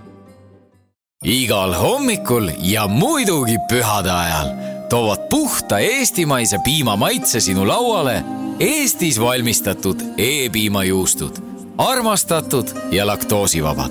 ostes E-piimajuustu, toetad Eesti põllumehi. Loe lähemalt e-piim.ee või vaata Facebookist.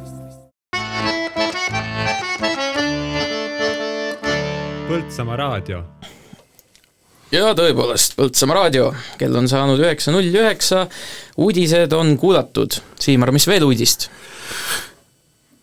sa ei usu, mis Põltsamaal täna toimuma hakkab No võtab kohe sõnatuks tõenäoliselt. mis juba peaaegu et toimuma hakkas juba, vist. juba hakkas tõenäoliselt, aga siin ma veel, kui ma kuulatan kõrv akna vastas, siis ma ei kuule. aga see tähendab, et see üritus toimub kuskil kaugemal. niisiis, kella üheksast kuni kella viieni on siis äh, Põltsamaa linnas vabatahtlike päästjate õppused. seal mängitakse läbi mitmeid õnnetusolukordi ja õppuste tõttu võib sel päeval linnas märgata tavapärasest rohkem päästjaid ja päästetehnikat ning kosta sireene, nii et äh, ärge siis äh, ärrituge või siis just ärge paanikasse sattuge, kui siin äh, päästemasinad sõidavad edasi-tagasi. Just, ja päästjad on öelnud ka seda, et kui nüüd peaks õppuse ajal juhtuma mõni tõsine õnnetus, mis nagu päris õnnetus, siis me võime siiski tunda ennast üsna turvalisena, et siis need, kes peavad õppuselt lahkuma, need lahkuvad ja jäävad ainult need, kes siis ei pea tol hetkel tööülesandeid ja kohustusi tegema. see on hea, et nad hoiavad ennast tipp-topp vormis. just, aga ega me, ma saan aru, meil on varsti üks külaline, aga aga ma hakkasin siin vaatama natuke seda kalendrit jälle, Põltsamaa asjade kalendrit, me ei ole vist jõudnud kahekümne viie aasta tagust, tagust sündmust veel ette lugeda, sest ega need sündmused iseenesest, mis ma siin välja valinud olen, ei ole ju ei ole ju niimoodi A ja O kõige olulisemad, võib-olla, need on pigem nagu võib-olla näitavad mingisugust sellist ajastu vaimu ja, ja seda, kuidas inimesed võisid äh, tookord äh, äh, kogu selle Põltsamaa eluga suhestuda. aga ma mõtlesin, et enne, kui meil tuleb külaline, vaataks korra ka seda, et mis mul silma jäi kahekümne viie aasta tagusest ajast. no aga vaatame. siis oli aasta tuhat üheksasada üheksakümmend seitse. kas keegi midagi mäletab sellest ajast? üheksakümmend seitse. ma ei tea, ma olin vist oota, isa, oot, oot, oot, nüüd ma hakkan arvutama. oota, ma olen kaksteist, oi, ma olin sündinud juba selleks ajast vist ju. mu isa oli kaheksa-aastane ning minu geneetiline materjal elas tema sees. vaata, aga vaata. ma ei oska arvutada. ja no vot, üheksakümne seitsmes aasta oli äh,, mina olin vist kolmandal kursusel ülikoolis, kui ma niimoodi mõtlen, üheksakümmend seitse, jah. ja sellest aastast on siis selline mis uudis, sa ütlesid, üheksakümmend seitse või? jah, ma mõtlesin sama asja, et ma mõtlesin seitsekümmend seitse. ei, üheksakümmend seitse. sa tekitasid segadust must, aga ma ikkagi nagu austuses sinu vastu ma ei hakanud nagu seda, seda kui mu isa oleks üheksakümmend seitse, oleks kaheksa, okei. no ma mõtlesin, et mees on väga huvitav, mul käis ka peast läbi, et mis mõttes, et su isa oli et ju siis nagu, eks, eks tead ise kõige paremini, kus sa olid sellel ajal. kas see üheksakümmend seitse, ühesõnaga üheksakümmend seitse Kanepis ja Põltsamaal mälestati Saul Hallapit. Vot tegelikult Saul Hallap on üks väga huvitav tegelane. et kui ma vaatan, mis siin lehes oli kirjas tookord, siis on tõstmise maailmameister Saul Hallap, kelle sünnist kahekümne kaheksandal novembril möödus täpselt sada aastat, maeti kodul kihelkonna Kanepi kalmistule ta on üks neljast eestlasest tõstespordi maailmameistrist, valitses Eesti tõstepõrandat aastatel tuhat üheksasada kakskümmend üks, kakskümmend kuus ja Kanepi, noh mi-, miks ta Põltsamaaga on seotud, eks ole, maetud, maetud Kanepis ei ole Põltsamaalt nagu päritki, siis äh, on teada tema kohta, et kolmekümnendatel aastatel äh, oli ta Uusmaa saaja Põltsamaa vallas Umbusi külas, noh tegelikult ütleks nii, et ta on neljakümnendal aastal siis, kui äh, hakati nii-öelda okupatsioonivõimude käe all äh, maid ümber jagama siin ja tema oli siis üks Uusmaa saajatest, kuigi ta tegelikult elas siin Põltsamaa kandis juba kolmekümnendatel. neljakümne esimese aasta juulis mõrvati Saul Hallap koos elukaaslasega segastel asjaoludel umbusis ja tema kohta on äh, Tiit Lääne kirjutanud äh, ühe niisuguse raamatu Musta patsiga mees. ja mis seob seda meest veel Põltsamaaga, see on nüüd äh, selline fakt, mida väga-väga vähesed teavad, aga ma sattusin ükskord arhiivis lugema Põltsamaa linnavalitsuse äh, mingisuguseid dokumente kahekümnendatest aastatest ja tuleb välja, et Saul Hallap on meie vabadussamba kuju nii-öelda modell, tema järgi on see, see kuju voolitud, mis seisab täna siis raamatukogu taga. noh, ta on Wow. küll selles mõttes, et see, see kuju on nüüd koopia, see, See ei ole originaalkuju, eks ole, aga tema järgi on see kuju vormitud, nii et selles mõttes, et ta on meiega need aeg. lihased on päris päris lihased jah. no näed, ta oli heas vormis mees. jah, ja väga huvitav on see, et äh, vot see oli niisugune kahekümnendate aastate värk, kui neid kujusid äh, rajati, see on selles mõttes väga huvitav, kui nagu mõelda, et tänapäeval me tegeleme nende mingite, mingite kujude maavõtmisega, siis tookord ikkagi niimoodi kampaania korras neid äh, Vabadussõja ausambaid püstitati ja tuleb välja, et kui ma ei eksi, siis Tudulinnas, see on kuskil Ida-Virumaa vist, on äh, vähemalt tehti samasugune kuju, ehk siis äh, Saul Hallap äh, oli modelliks sellele Tudulinna äh, Vabadussõja ausambale ja sellest võeti siis nii-öelda koopia ja toodi siia Põltsamaale, et selles mõttes, et Eestis on nagu suht kaks sarnast, sarnast äh, Vabadussõja ausammast. see on tõesti väga aga ta, Saul Hallap on nagu meiega koos siin, siis nüüd ma loodan, et aegade lõpuni. jah, selle mehe tuharalihased on ees, eeskujuks, eeskujuks meile kõigile, ei, need nagu selles mõttes, et hea töö, hea töö, ja ongi. igatpidi, kunstnikult ja temalt endalt, et Jaa.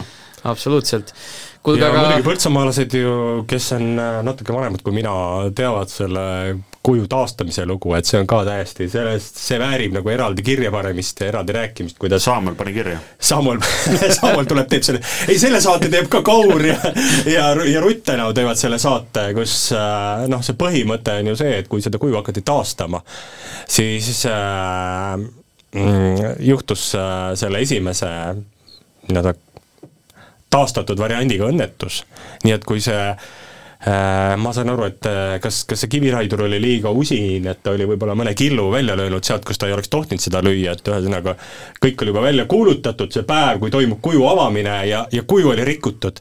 ja siis ei jäänud midagi nendel kujumeistritel üle, et nad panid sinna selle avamise hetkeks panid kipskuju sellele postamendile, nii-öelda avati ära, siis läks natuke aega mööda, võeti see kuju maha ja, ja poole aasta jooksul umbes noh, Rutt ja Kaur võivad sellest lähemalt rääkida, kui nad saate teevad, siis pool aastat hiljem umbes paigaldati siis äh, nii-öelda ehtne selline välja tahutud kuju sinna asemele, nii et see lõi tuharat küljest ära. see see oli, see oli umbes nagu kuu maandumisega siis, et alguses lavastati lihtsalt selle jaoks, et jah, ja kui te olete näinud neid pilte, tegelikult siin võis, võis olla ikkagi noh, sadu inimesi, kes olid seda, seda kipskuju avamas. aga tegelikult tuli välja, et nad avasid siiski mitte nagu päris seda kuju, mis nii on, aga kuulame siia vahepeale ühe laulu ning kui me tuleme muusika pealt tagasi, siis istub siin meiega ühes veel üks inimene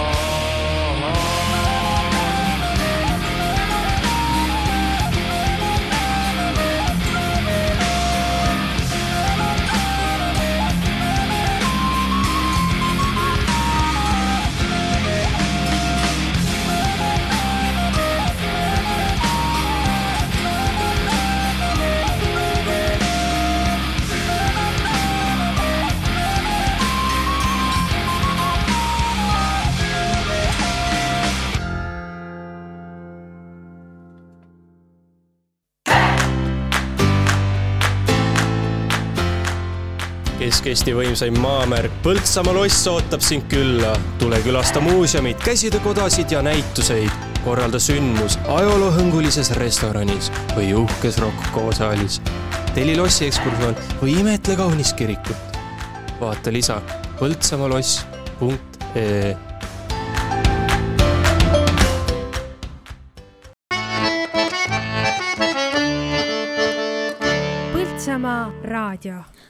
ja meile kõlas hetk tagasi just äh, pala oma laulu ei leia ma üles.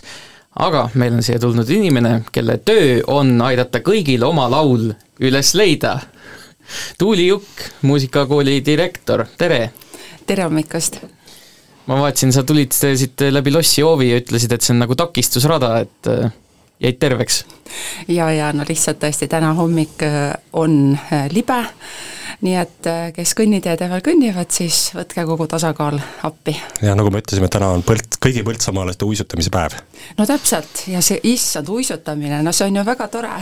jah, äh, ma mõtlesin selle peale, et kui Samuel siin ütles, et, äh, et suul, Tuuli on aidanud leida kõikidel oma laulu üles, see kõlab muidugi väga suurelt, aga ma hakkasin mõtlema selle peale, et tõesti, et vaata, Tuuli äh, ilmselt paljud äh, mäletavad veel seda aega, kui sa tõesti töötasid lasteaias alles muusikaõpetajana ja, ja aitasidki igal lapsel oma laulu üles leida, et et millise pilguga sa täna sellele ajale tagasi vaatad?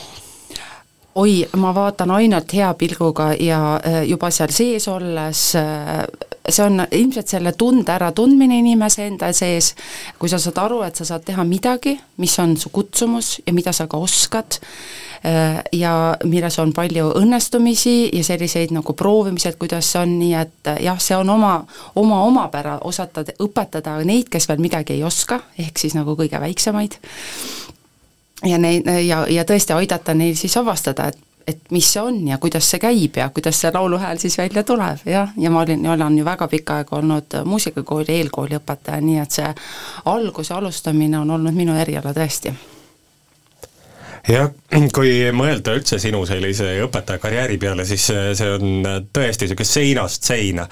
Sa oled lasteaia ja lasteõpetaja olnud, oled eelkooli õpetaja, oled muusikakooli õpetaja ja peale selle veel õpetad äh, tudengeid äh, ikkagi niimoodi kõrghariduse tasami, äh, tasandil, et et kuidas sa kuidas sa üldse hakkama saad sellise asjaga, et kuidas sa suudad ennast niimoodi jagada, et, et, et sa oleksid ühtviisi põnev nii lastele kui ka tudengitele? Ehm, ja vot see on tore, see on niimoodi, et ähm, ma teen oma põhitöö kogu aeg äh, lastega. Ja see, mida ma, ja olen ka niimoodi kogu aeg teinud, ja see, mida ma tudengitele Viljandi Kultuuriakadeemias õpetan, ütlen siis vahele, et seal on need tudengid, kes õpivad äh, koolimuusika erialal, Nendega on mul kaks õppeainet ja, ja üks õppeaine, grupiõppe didaktika, on nende tudengitega, kes õpivad pärimus- ja pop-džässmuusika erialal ja nende tudengitega ma väga palju reflekteerin seda, mida ma tegelikult siis lastega töös ja praktikas teen. nii et see kooslus, et nad on mul mõlemad olemas, nii, nii paralleelsed lapsed kui tudengid, on väga-väga oluline. et kui mul lastega töö ühel hetkel peaks täielikult lõppema, siis ma arvan, et väga pikalt ei saa kesta ka see tudengitega töö, sest et see tõesti on äh, antud eluhetkel alati veidi erinev. et äh, lapsed muutuvad, õpetamine muutub, kool muutub ja mida oleks mul siis nagu tudengitele edasi anda, kui ma ei oleks äh, ise ka selle sees, vähemalt mingisuguse osa õpetuse sees, et kõike ei jõua kunagi teha, aga et mul on mingisugune kokkupuutepunkt äh, kõigiga. ja tõsi see on, et see on ka mulle endale huvitav, ja ma arvan, et äh, noh, see on lihtsalt äh, tõuganud nagu kogu aeg mõtlema, mõtestama õpetamist, päris kindlasti, ja toonud siis kasu ilmselt mõlemale poolele, et see mõtestamine tuleb sinna lastetundi tegelikult kaasa ja siis omakorda jälle jõuab see sinna tudengiteni koos nende noorte inimestega mõtlemiseni, nagu näha, kuidas nemad kasvavad, mis küsimusi nad küsivad, mis probleemide ees nad on et äh, see on, see on, see on tõesti õpetajatöös olnud väga tore aeg väga paljud õpetajad, nii kooliõpetajad kui ka siis huvikoolide õpetajad kipuvad ütlema seda, et näed, et et lapsed kipuvad nagu või täna, tänased lapsed on nagu käest ära läinud või või et nad on raskemini kontrollitavad, et kuidas sina äh, siis huvikooli seisukohast seda, seda pilti näed? no mul on veel eriti kole ütlemine, ma ütlen, osad on ikka peast lausa sassis no mis me teeme, see on meie elu, eks ole, et äh, kõik äh, tuleb äh, kooli kaasa nii nagu kogu elu on. et see, mida ühiskond üldse arvab, mida kodudes arvatakse lapsed on väga siirad, räägivad väga palju välja, mis jääbki sinna klassi, mis jääbki sinna nende seinte vahele.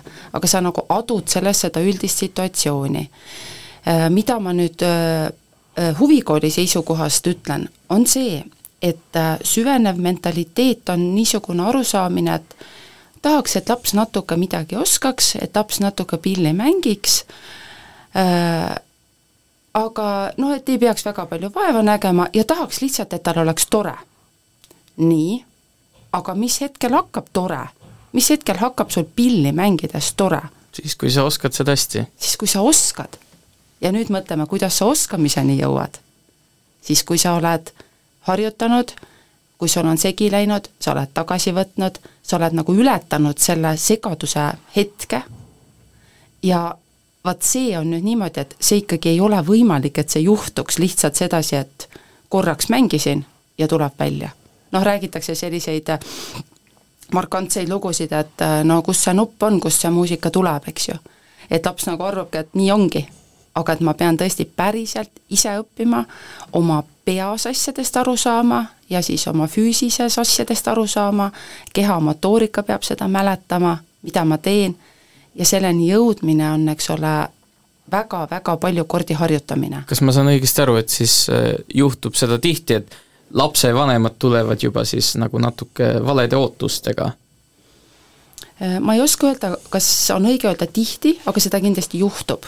et selline üldine ootus on võib-olla see, et, et kuidas saaks mõnusamalt, kuidas saaks äh, nagu mugavamalt.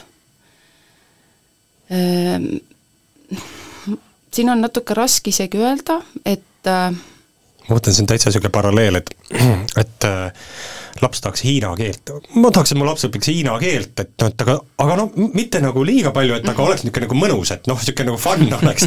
Ja siis ta on ju, käib sul seal, no ma ei tea, muusikakoolis käiakse vist kuus aastat äh, või seitse aastat, ja siis sa jõuad nagu sinna lõppu ja tegelikult nagu ei oskagi midagi, aga oli kogu aeg nagu väga lõbus. Aga hiina keelt ei oska, oled, oled kuus või seitse aastat õppinud, et jah, mul tuleb üks, üks vana lugu meelde, ma olen kunagi olnud Saksamaal lapsehoidja ja äh, mõne, mõningad sellised hetked, äh, mis olid seal, äh, me räägime siis ajast varsti ikkagi juba kakskümmend viis aastat tagasi, eks ju, mis olid siis seal Lääne-Saksamaal elades ja olles nagu selline tavaline trend, neid meil siis veel üldse ei olnud. ja nüüd teatud niisuguseid suundumusi oleme aja jooksul näinud, kuidas need tulevad siia. ja kõik, kes saksa keelt tunnevad, teavad, mida tähendab väljend viel spaß seda soovitakse sulle, et noh, palju lõbu või, või, või olgu sul tore.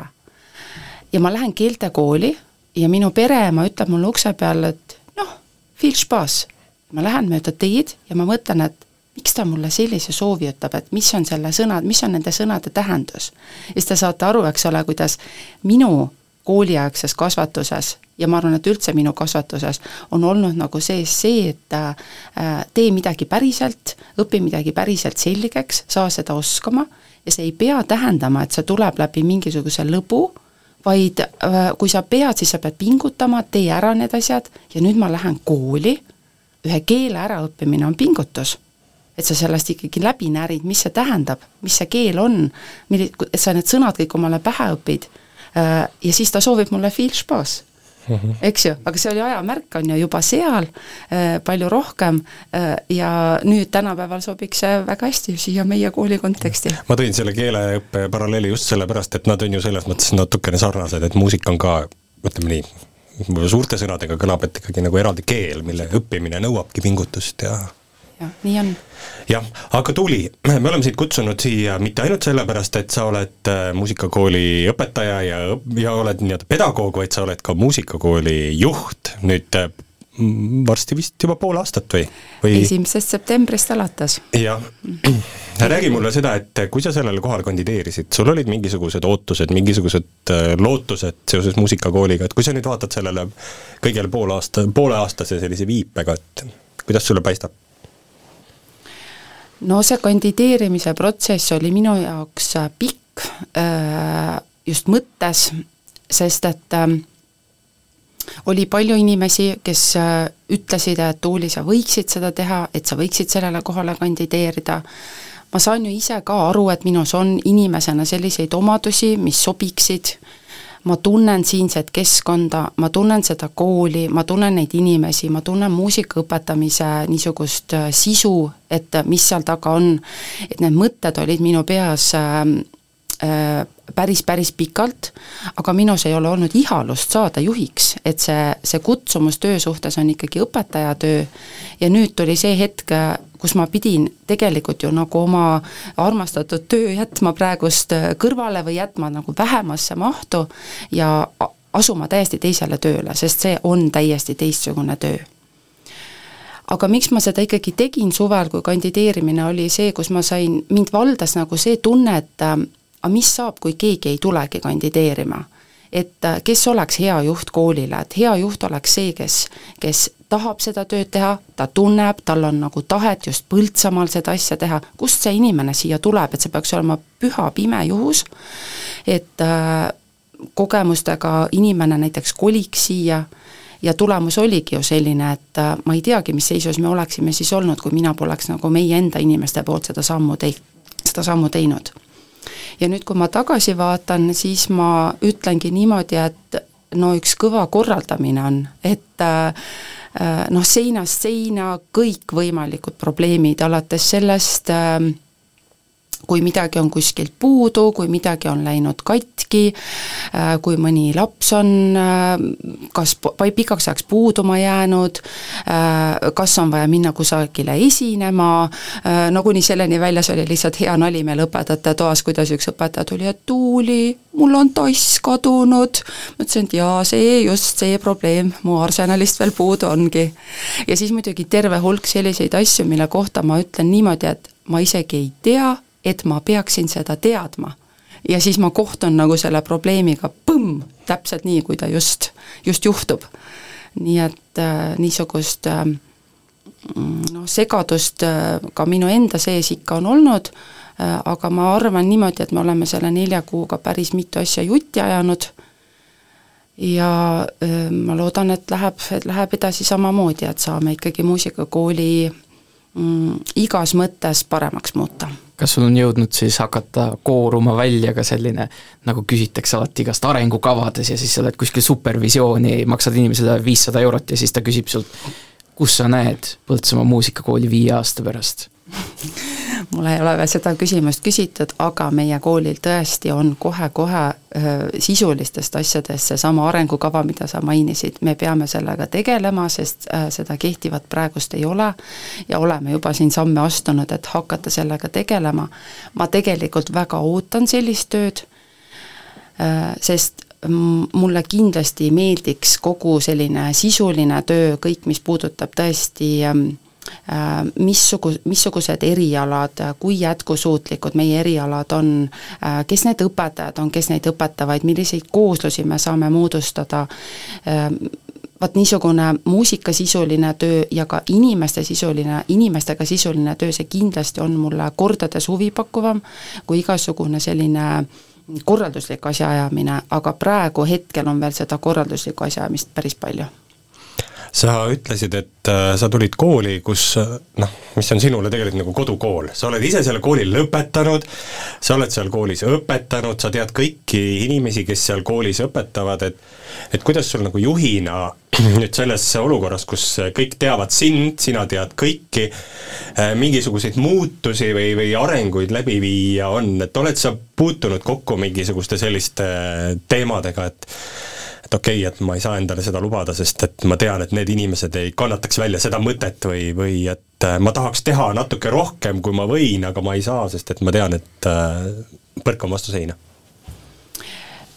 Jaa, seal on natukene küll seda, et ma pean mõtlema mm, ma pean mõtlema seda, et ma, mida ma tajun, on see, et mõnikord võetakse mind äh, teistmoodi, sest ma olen lihtsalt nüüd pandud teistsugusesse positsiooni. ja see käib sellega kaasa. ja ähm, ja ma pean iseendas nagu väga mõtlema, et äh, noh, et ei libastuks või et ei juhtuks kogemata mingisugust sellist lolli apsu, mida sa, mida sa just nimelt, kui sind võetakse juhi positsioonil oleva inimesena, mingil juhul teha ei tohi.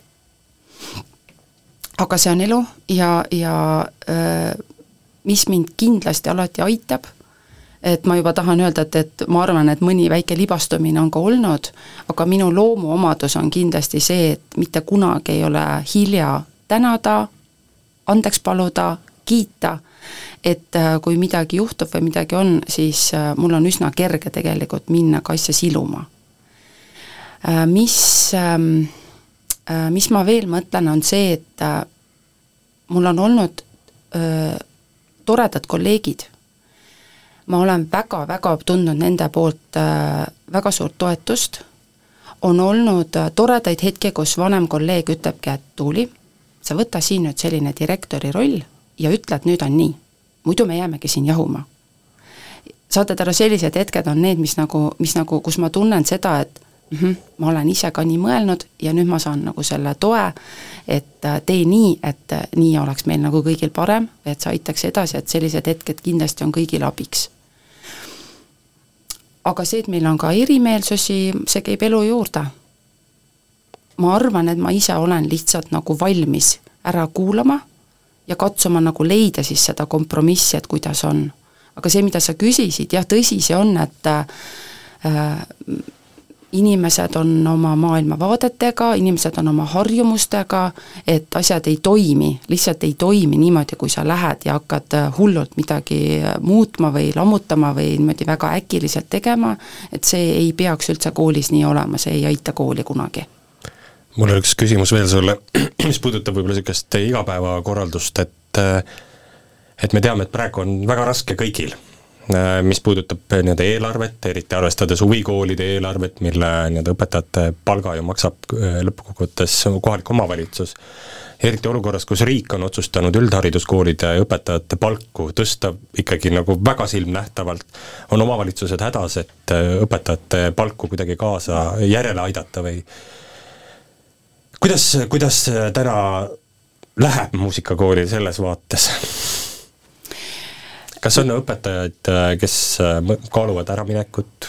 Mm. jaa, see ei ole üldse enam saladus, meil on väga selgelt üks õpetaja, kes just nimelt sellel põhjusel äh, lõpetab töö juba nüüd, et ta ei tee isegi kooliaastat lõpuni me oleme Reigole väga tänulikud kõikide nende aastate eest, mis ta on meil kitarri õpetanud ja kui see on olnud tema otsus ja tema valik, et äh, ta teeb, on ka tegev nagu teistes valdkondades, siis, äh, siis nii on.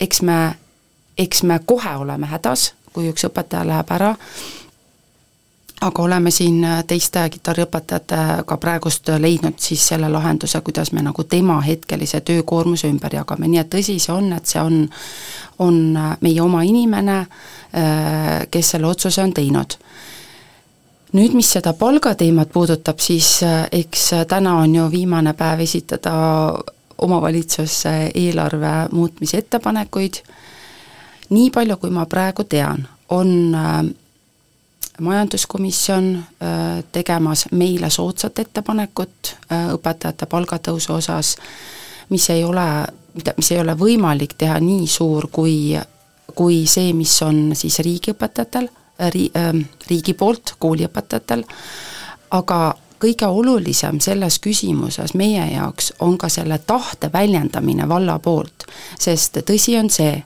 Põltsamaa äh, vald on olnud tegelikult äh, huvikooli õpetajate ja õpetajate palga suhtes äh, vastutulelik, kui ma vaatan viimaste aastate palkasid, siis on kogu aeg püütud järele jõuda sellele riiklikult äh, keste-, kehtestatud õpetaja palgamiinimumile, mis siis siiamaani oli tuhat nelisada kaksteist eurot, ja tõsi on see, et viimasel aastal sinna järele jõutigi, et meie õpetaja magister oli võrdsustatud sellesama palgaga.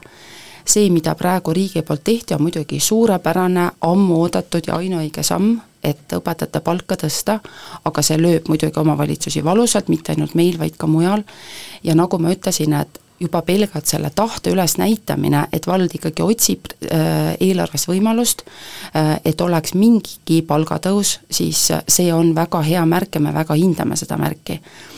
iseasi on nüüd see, et kas siin ühelt poolt Muusikakoolide Liit saab äh, tekitada olukorda, kus võiks tekkida mingiski osas riigipoolne tugi, ei oska öelda, asju aetakse, aga kuidas ja kuhu need asjad liiguvad, täna ei tea, ja teiselt poolt just ka see, et kas omavalitsused ühiselt Omavalitsuste Liidu või Linnade Liidu kaudu saavad ka tekitada selliseid küsimusi või pöörduda siis riigi poole, et, et ühise jõuna nagu tekitada olukord, kus siis riik kas või mingis osas huviharidust ja huvikoole ka toetaks. aga need on täna küsimused, siin me nagu vastuseid ei tea ma tahan ka siia lõppu veel anda sulle ühe raske ülesande, et ma tahan küsida ühe küsimuse, mis on küll väga sellise laia diskussiooni teema, aga ma eeldan, et ehk sa oskad siia midagi inspireerivat öelda, et no vaadake, me elame ju täna sellises maailmas, kus trend on pigem selline, et igaüks on spetsialist mingisuguses oma, oma kindlas nišis. ja, ja et me kõik oleme tinistatud sellisteks ekspertideks, et tee seda ühte väikest asja et muusikakooli oleks mõtet panna las siis, kui sa mõtledki, et noh, et temast võikski saada näiteks siis muusik ühes kindlas omas nišis. aga muusikahariduse point, vähemalt sellisel kujul, nagu teie seda annate, on selline mitmekülgne harimine, et nagu võitlete natukene tuuleveskitega ja niimoodi, et miks ikkagi tulla äh, muusikakooli siis sellises maailmas, nagu me täna oleme no sellises maailmas, kus äh, tehniline pool väga, äh, väga surub peale, on just, just nimelt kõigil väga oluline leida mingisugune muu tegevus, mis äh, pakub inimesele käelist tegevust, vaimset pingutust ja tahet midagi teha.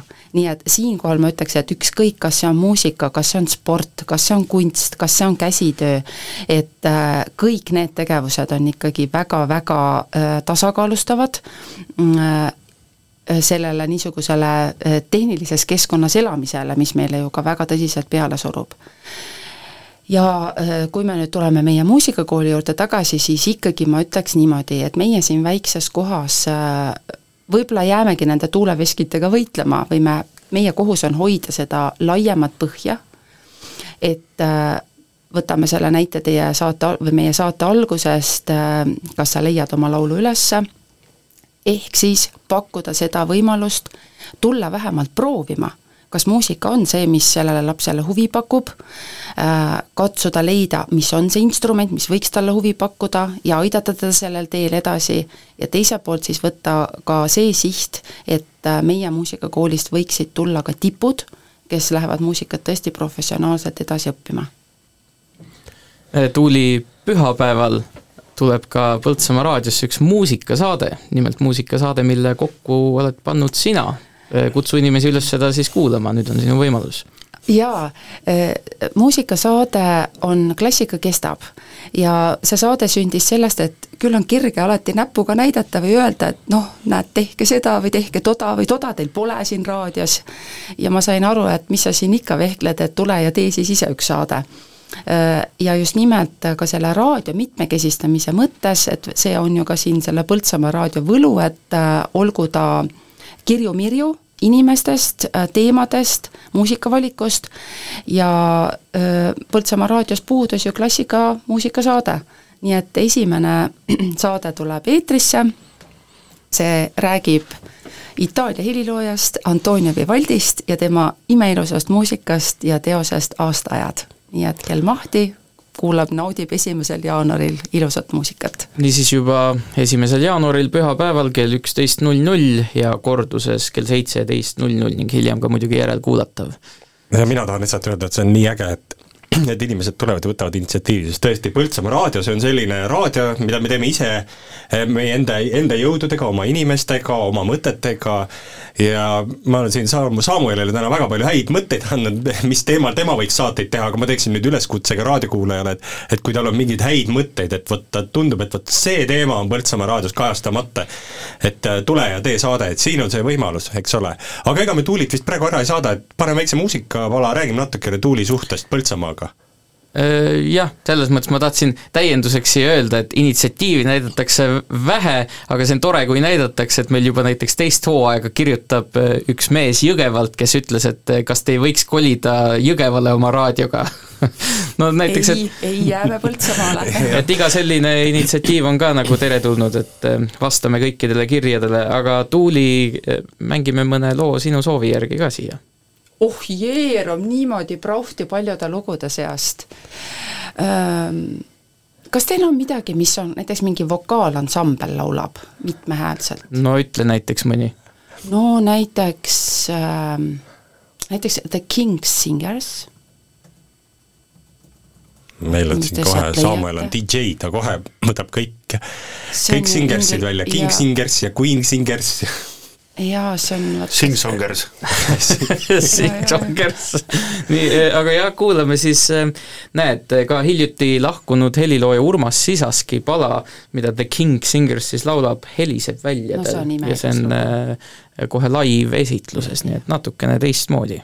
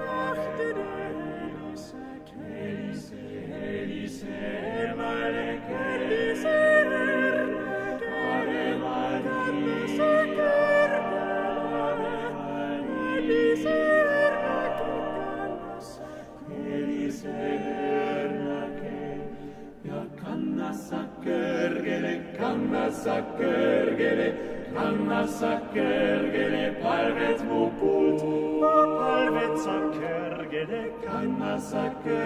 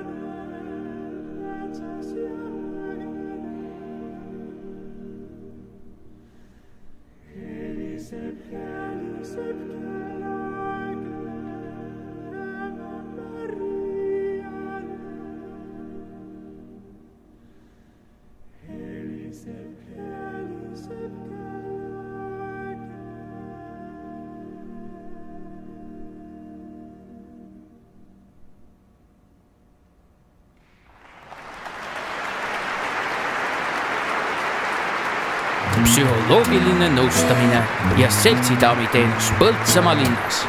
Angelika aitab alati. helista viis null viis kaheksa üheksa seitse kolm või kirjuta Angelika Valdre Facebooki. Angelika aitab alati valipress trükikoda soovib praegustele ja tulevastele klientidele meeldejäävat uut aastat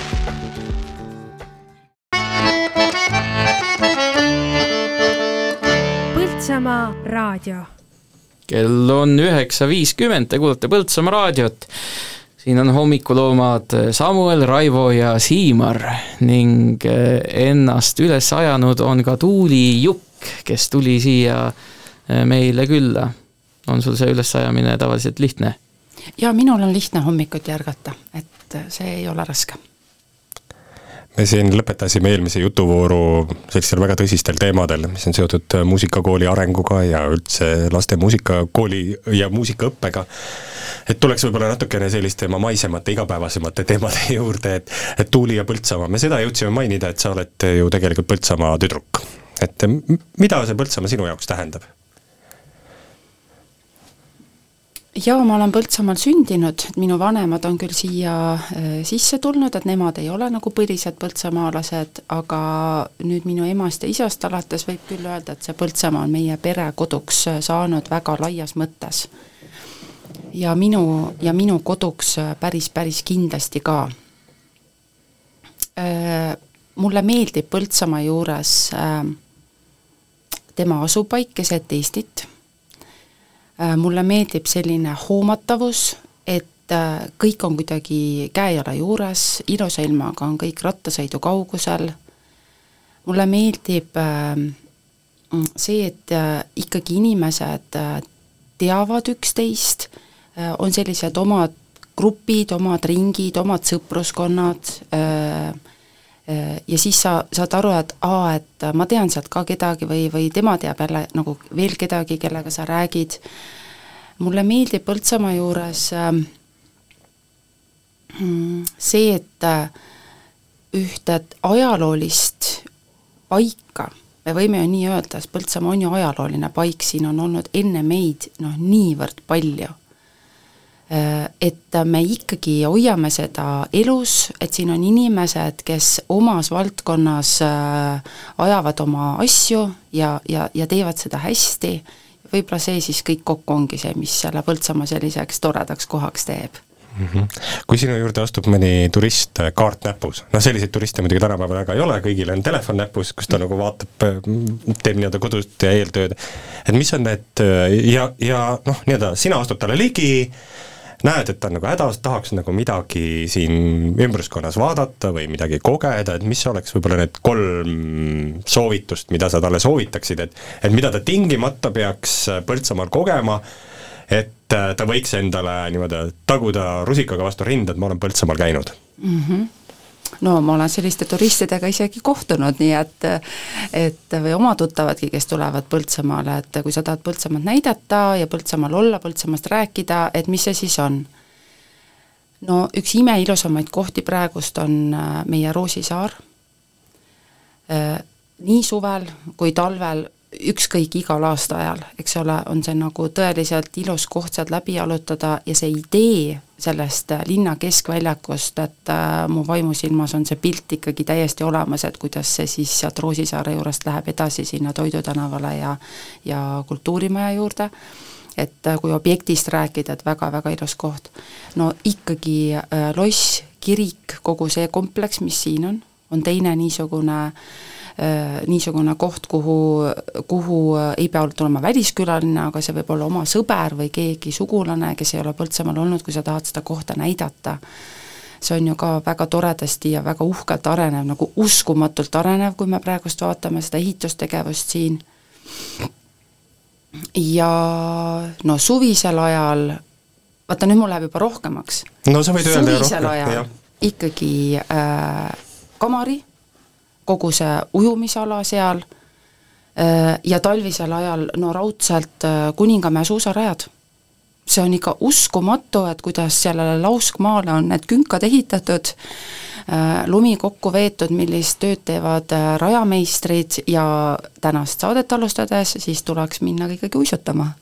nii et siin on nii sporti kui loodust, kui, kui, kui jah, niisugust ja tegelikult teevad koha ikkagi alati inimesed, nii et objektid on väga olulised, vaadake, selle kohta öeldakse ju ka, et mida andekamad inimesed on, seda paremat keskkonda nad enda ümber vajavad nii et äh, aga kui keskkond on olemas, siis tuleb seal olla väga, väga usinalt selle asja juures, et mis täidab selle sisuga, et mida seal siis tehakse ja kes seda jaksab korras hoida ja ja mis on see, mis inimesi kokku toob sinna, mis sündmused seal on. Me rääkisime täna siin enne sinu tulekut ka söögist.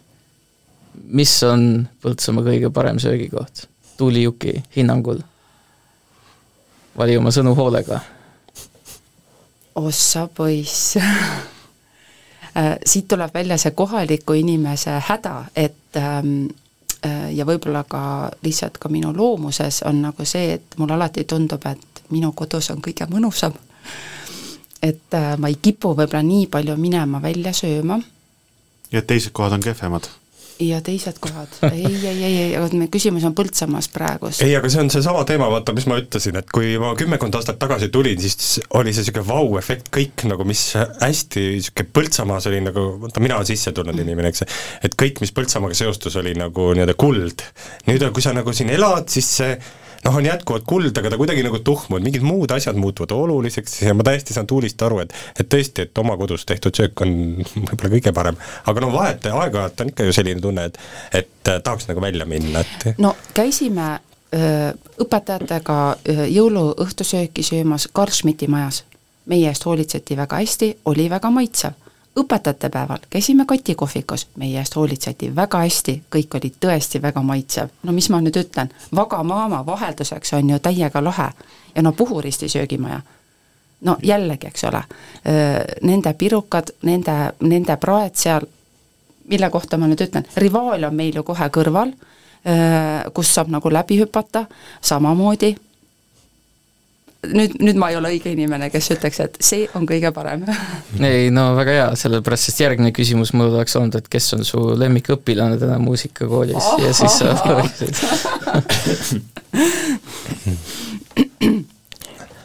Jah, aga sa ei küsi ju seda, eks ole? Sa ütlesid, et mul on selline küsimus, aga sa ei küsi seda. ma sain aru. jah, see oli, see oli, see oli nali, kes aru ei saanud. kuidas see tuli äh, sellist, noh, ma saan aru, et teil on ka koolis ikkagi praegu selline natukene kergem aeg, et äh, noh, kas nüüd just äh, koolivaheaeg selline puhkuse mõttes, aga ikkagi sellist aktiivset õppetööd ei ole, et kuidas su päevad välja näevad? kuidas näeb välja koolidirektori päev, selline keskmine päev jõulude ja aastavahetuse vahel? Vaat oligi huvitav, et oli teistmoodi küll, kui siis, kui oli, kui oli õpetaja elu, sest et õpetajal on pausi väga vaja, samamoodi nagu on lastele pausi vaja, mis ei tähenda seda, et et sa seal midagi ei tee, see on igaühe oma valik ju ka, kuidas ta seda aega täidab, kas sa loed või sa otsid uut materjali aga mind, minul oli siis ikkagi see hoolitsus ikka selle maja eest, et äh, meil oli siin veel üks üritus plaanis, nii et ma pidin käima kuusk elus hoidmas ja vett juurde panema. Ja no kõige rohkem oli teemaks see, et kuna praegust on siis see eelarve muudatusettepanekute esitamine, siis äh, meil on seal üks niisugune pisike torm veeklaasis muusikakooliga seoses, mis ma väga arvan, et laheneb ikkagi äh, meile vajalikus ja nagu soodsas suunas, aga see on nõudnud tegelemist. ja see ongi ikkagi see, et äh, õnneks on tänapäeval ju see kodukontori võimalus ja mul ka tõesti on kodus arvuti park oluliselt parem kui see, mis mul on nagu koolis võtta, nii et ma ei pea minema kooli juurde tööle, küll aga ma lähen oma kodus oma töötuppa tööle ja teen arvuti lahti, see tähendab kõnesid inimestega, seal, seal on need kohad, kus ma küsin, äh, kuidas ma pean seda tegema, kellega ma pean suhtlema, äh, sest ka see on minu elus nagu esimest korda, nii et ma olen pidanud täitsa sellist arvutitööd tegema. Ja veel, äh, kirjavahetust, ähm, kauplustega suhtlemist, kus meil veel võimalus oli osta mõned asjad, vot niisugust tööd olen pidanud tegema. ja siis ma olen piparkooke küpsetanud, siis ma olen raamatut lugenud, siis ma olen ma olen vaadanud kättemaksukontorit oma äh, lastega koos, et, et vaadata, et mis äh,, mis, mis seal toimub.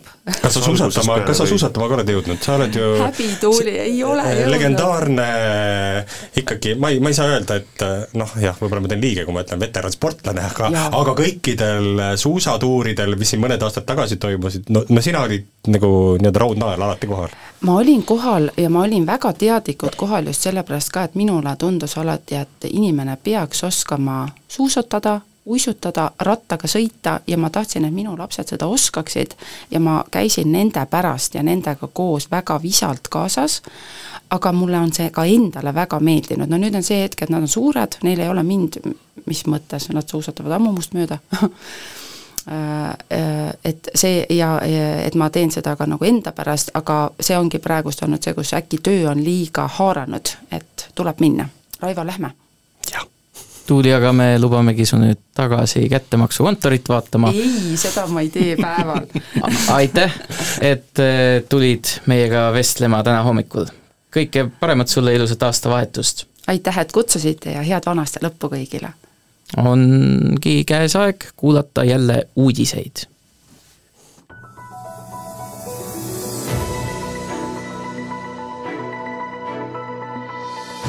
Tere, eetris on Põltsamaa raadio uudised. stuudios uudistetoimetaja Johanna Järva. jaanuari alguses toimub Kultuurikeskuses Põltsamaa valla tuuleparkide eriplaneeringu avalik arutelu. Pikknurme külas algasid ühisveevärgi ja kanalisatsiooni tööd Puurmani rahvamajas toimub kolmekümne esimesel detsembril aastavahetuse pidu. Põltsamaa valla tuuleparkide eriplaneeringu arutelu toimub viiendal jaanuaril algusega seitseteist kolmkümmend Põltsamaa kultuurikeskuses. Eriplaneeringu eesmärk on selgitada välja kõikvõimalikud tuuleparkide rajamiseks sobivad asukohad Põltsamaa valla territooriumil määratakse kindlaks tuulepargi ja selle toimimiseks vajaliku taristu võimalikud asukohad, sealhulgas juurdepääsutee ja elektriülekandeliinide paiknemine koos liitumiskohtadega. arutletakse tuulikute võimalike kõrguste ja kauguste teemadel. Põltsamaa valla tuuleparkide eriplaneeringu materjalid on leitavad vallavalitsuse kodulehel.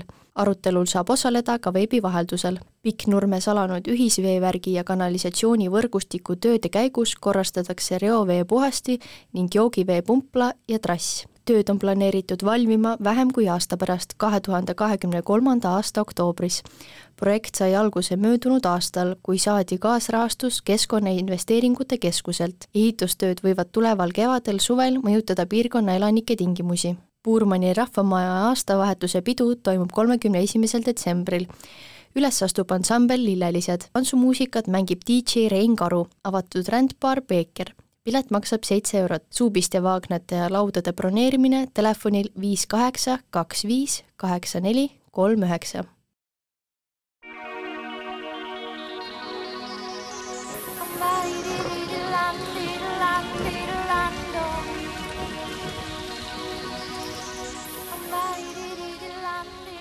reedel, kolmekümnendal detsembril. Öösel pilves ilm, sadas lörtsi ja vihma, Ida-Eestis ööhakul ka lund paiguti tuiskas, mitmel pool tekkis udu. tuul pöördus kagust edelasse viis kuni kaksteist, ranningul puhanguti seitseteist meetrit sekundis. hommikuks pisut nõrgenes. õhutemperatuur oli nullist kuni viie kraadini. päeval pilves selgemistega ilm, mitmel pool sajab vihma, õhtul sajuhood nõrgenevad, paiguti on udu. puhub edelatuul viis kuni kaksteist, rannikul puhanguti neliteist Lääne-Eestis ja saartel kuni seitseteist meetrit sekundis. õhtul pisut nõrgeneb, õhutemperatuur on kaks kuni kuus kraadi.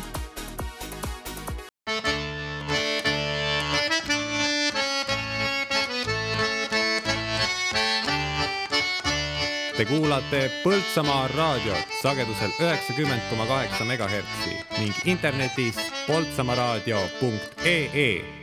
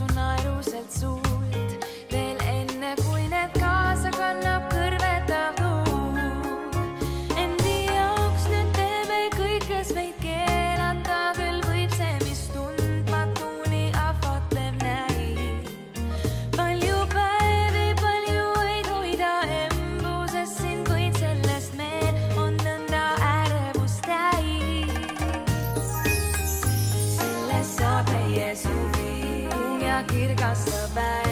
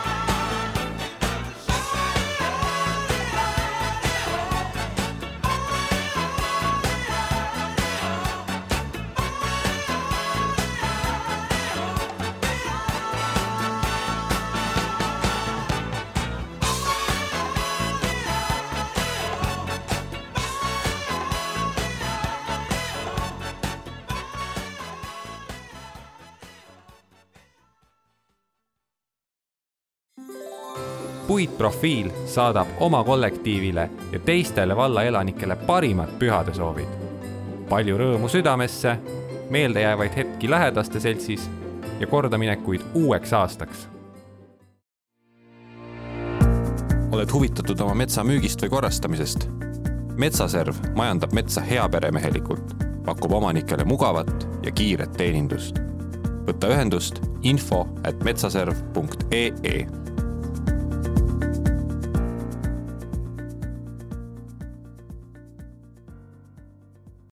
sel reedel, kolmekümnendal detsembril saad pidutseda glamuursel aastalõpupeol Põltsamaa kultuurikeskuses. pidu algab kell kaheksa õhtul, kavas särtsakas ja põnev programm. lavalaudadele astub tüdrukute bänd The Wavy Sensation, humoorikaid vahepalasid lisab onu Volli ja aastalõpu tantsukaaret saab teha ansambliga Vana Kallim. tule koos sõpradega ja muuda aastalõpp meeldejäävaks. kolmekümnendal detsembril Põltsamaa kultuurikeskuses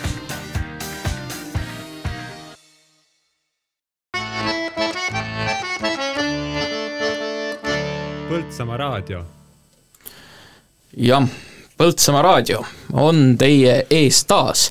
käimas on jätkuvalt hommikuprogramm Hommikuloomad ning siin on Samuel Aksel Maikalu, see olen siis mina, minu vasakul käel on Raivo Suni ja paremal käel on Siimar Kivisild. see olen mina. see on meie kolmainsus siin tänasel hommikul. aga Siimar, jaa, nimelt oli niisugune asi, et kui me rääkisime Rivaalist või see teema tuli ülesse, siis mulle meenus midagi viimasest korrast, kui me siin koos olime.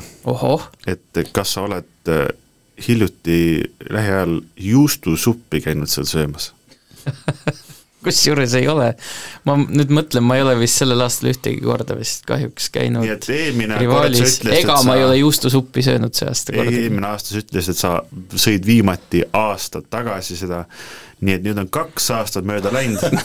ma pean tunnistama, me ütlesime küll, et me läheme rivaali juustusuppi sööma, me seda tegema ei läinud eelmine aasta, ma arvan, et see aasta me ka seda tegema ei lähe. no see on selline triviaalne raadioeetris tehtud lubadus, et oleks lihtsalt nagu hehee, me oleme kõik semud.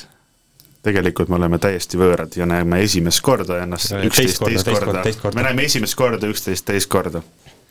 Jah, selles mõttes, et äh, ma vaatasin, juustusupi hind oli üles ka kerkinud, nii et Aa, sa oled isegi näinud, et sa oled isegi ei, ei, ma nägin, ma nägin sotsiaalmeedias postitust. sotsiaalmeedias on juustusupi hinnapostitus kas see on Rivaalis või, või kus kohas see ei no Rivaal tegi mingi postituse ja siis ma vaatasin, et oi-oi-oi, juustusupp on päris kalliks läinud. aga palju see on kallimaks läinud siis?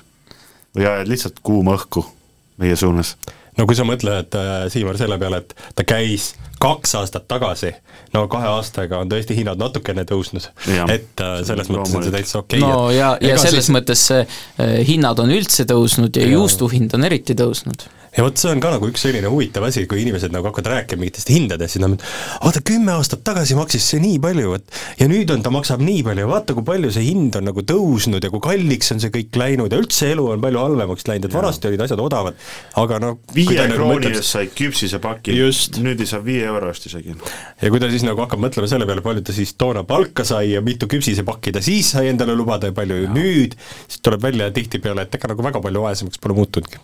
Aga näiteks äh, nendel jõuludel või enne jõule õnnestus Selveris saada äh, kõigest seitsme-kaheksa eurost juhtmevaba kõlar juba. jah, ja No mõtle, ja mõtle, kolm aastat tagasi maksis see palju. ja mitme euro eest see juhtme pidi ostma? juhe oli seal juures. ära, ära, ära nii alahinda ka nüüd. nii. no selge, mul on üks No selge. äh, tähtis, tähtis küsimus. Nimelt, mis on ühist äh, keiser, Rooma keiser Tiitusel, Ameerika korvpallur LeBron Jamesil ja Eesti siis eelmisel presidendil Kersti Kaljulaidil, Laid, jah. kas sa tahad pakkuda, Raivo no mul on hea, mul on hea, väga hea kui sul on pakkumine. hea pakkumine, siis sa võid sellega välja tulla, mina hakkasin mõtlema selliste nagu halbade pakkumiste peale. Kui sul on hea pakkumine, mul on nagu halb pakkumine. minu hea pakkumine on see, et, nad on, et nad on kõik sündinud kolmekümnendal detsembril. no see on üks hea pakkumine, aga mis see halb pakkumine on? no see oli täpselt sama vastus. täpselt sama vastus. sama hea vastus, nagu, nagu see halb vastus oli sama, sama halb või sama hea nagu, nagu ma ikka mõtlesin jah, et äkki te ei taba ära kohe seda, et minu küsimus on niisugune täiesti suvaline ja tulnud lihtsalt välja niimoodi, et pakute et nagu neil oli kõigil mingi seitsmes varvas või midagi. ja, ja, või kõik olid nagu suured öö, oma ala valitsejad või mingi ei no ma ütlen, Tiitusest ma ei tea midagi, kui ma hakkasin Lebron Jamesi, Jamesi peale mõtlema, siis mõtlesin, et huvitav, kas nad võisid olla ühepikkused näiteks, aga kui tuli Kersti Kaljulaid, Kaljulaid. see, see ei olid väga sportlikud. oleks seal olnud mõni teine, mõni korvpallur, siis võib-olla oleks nagu pakkunud pikkust ka.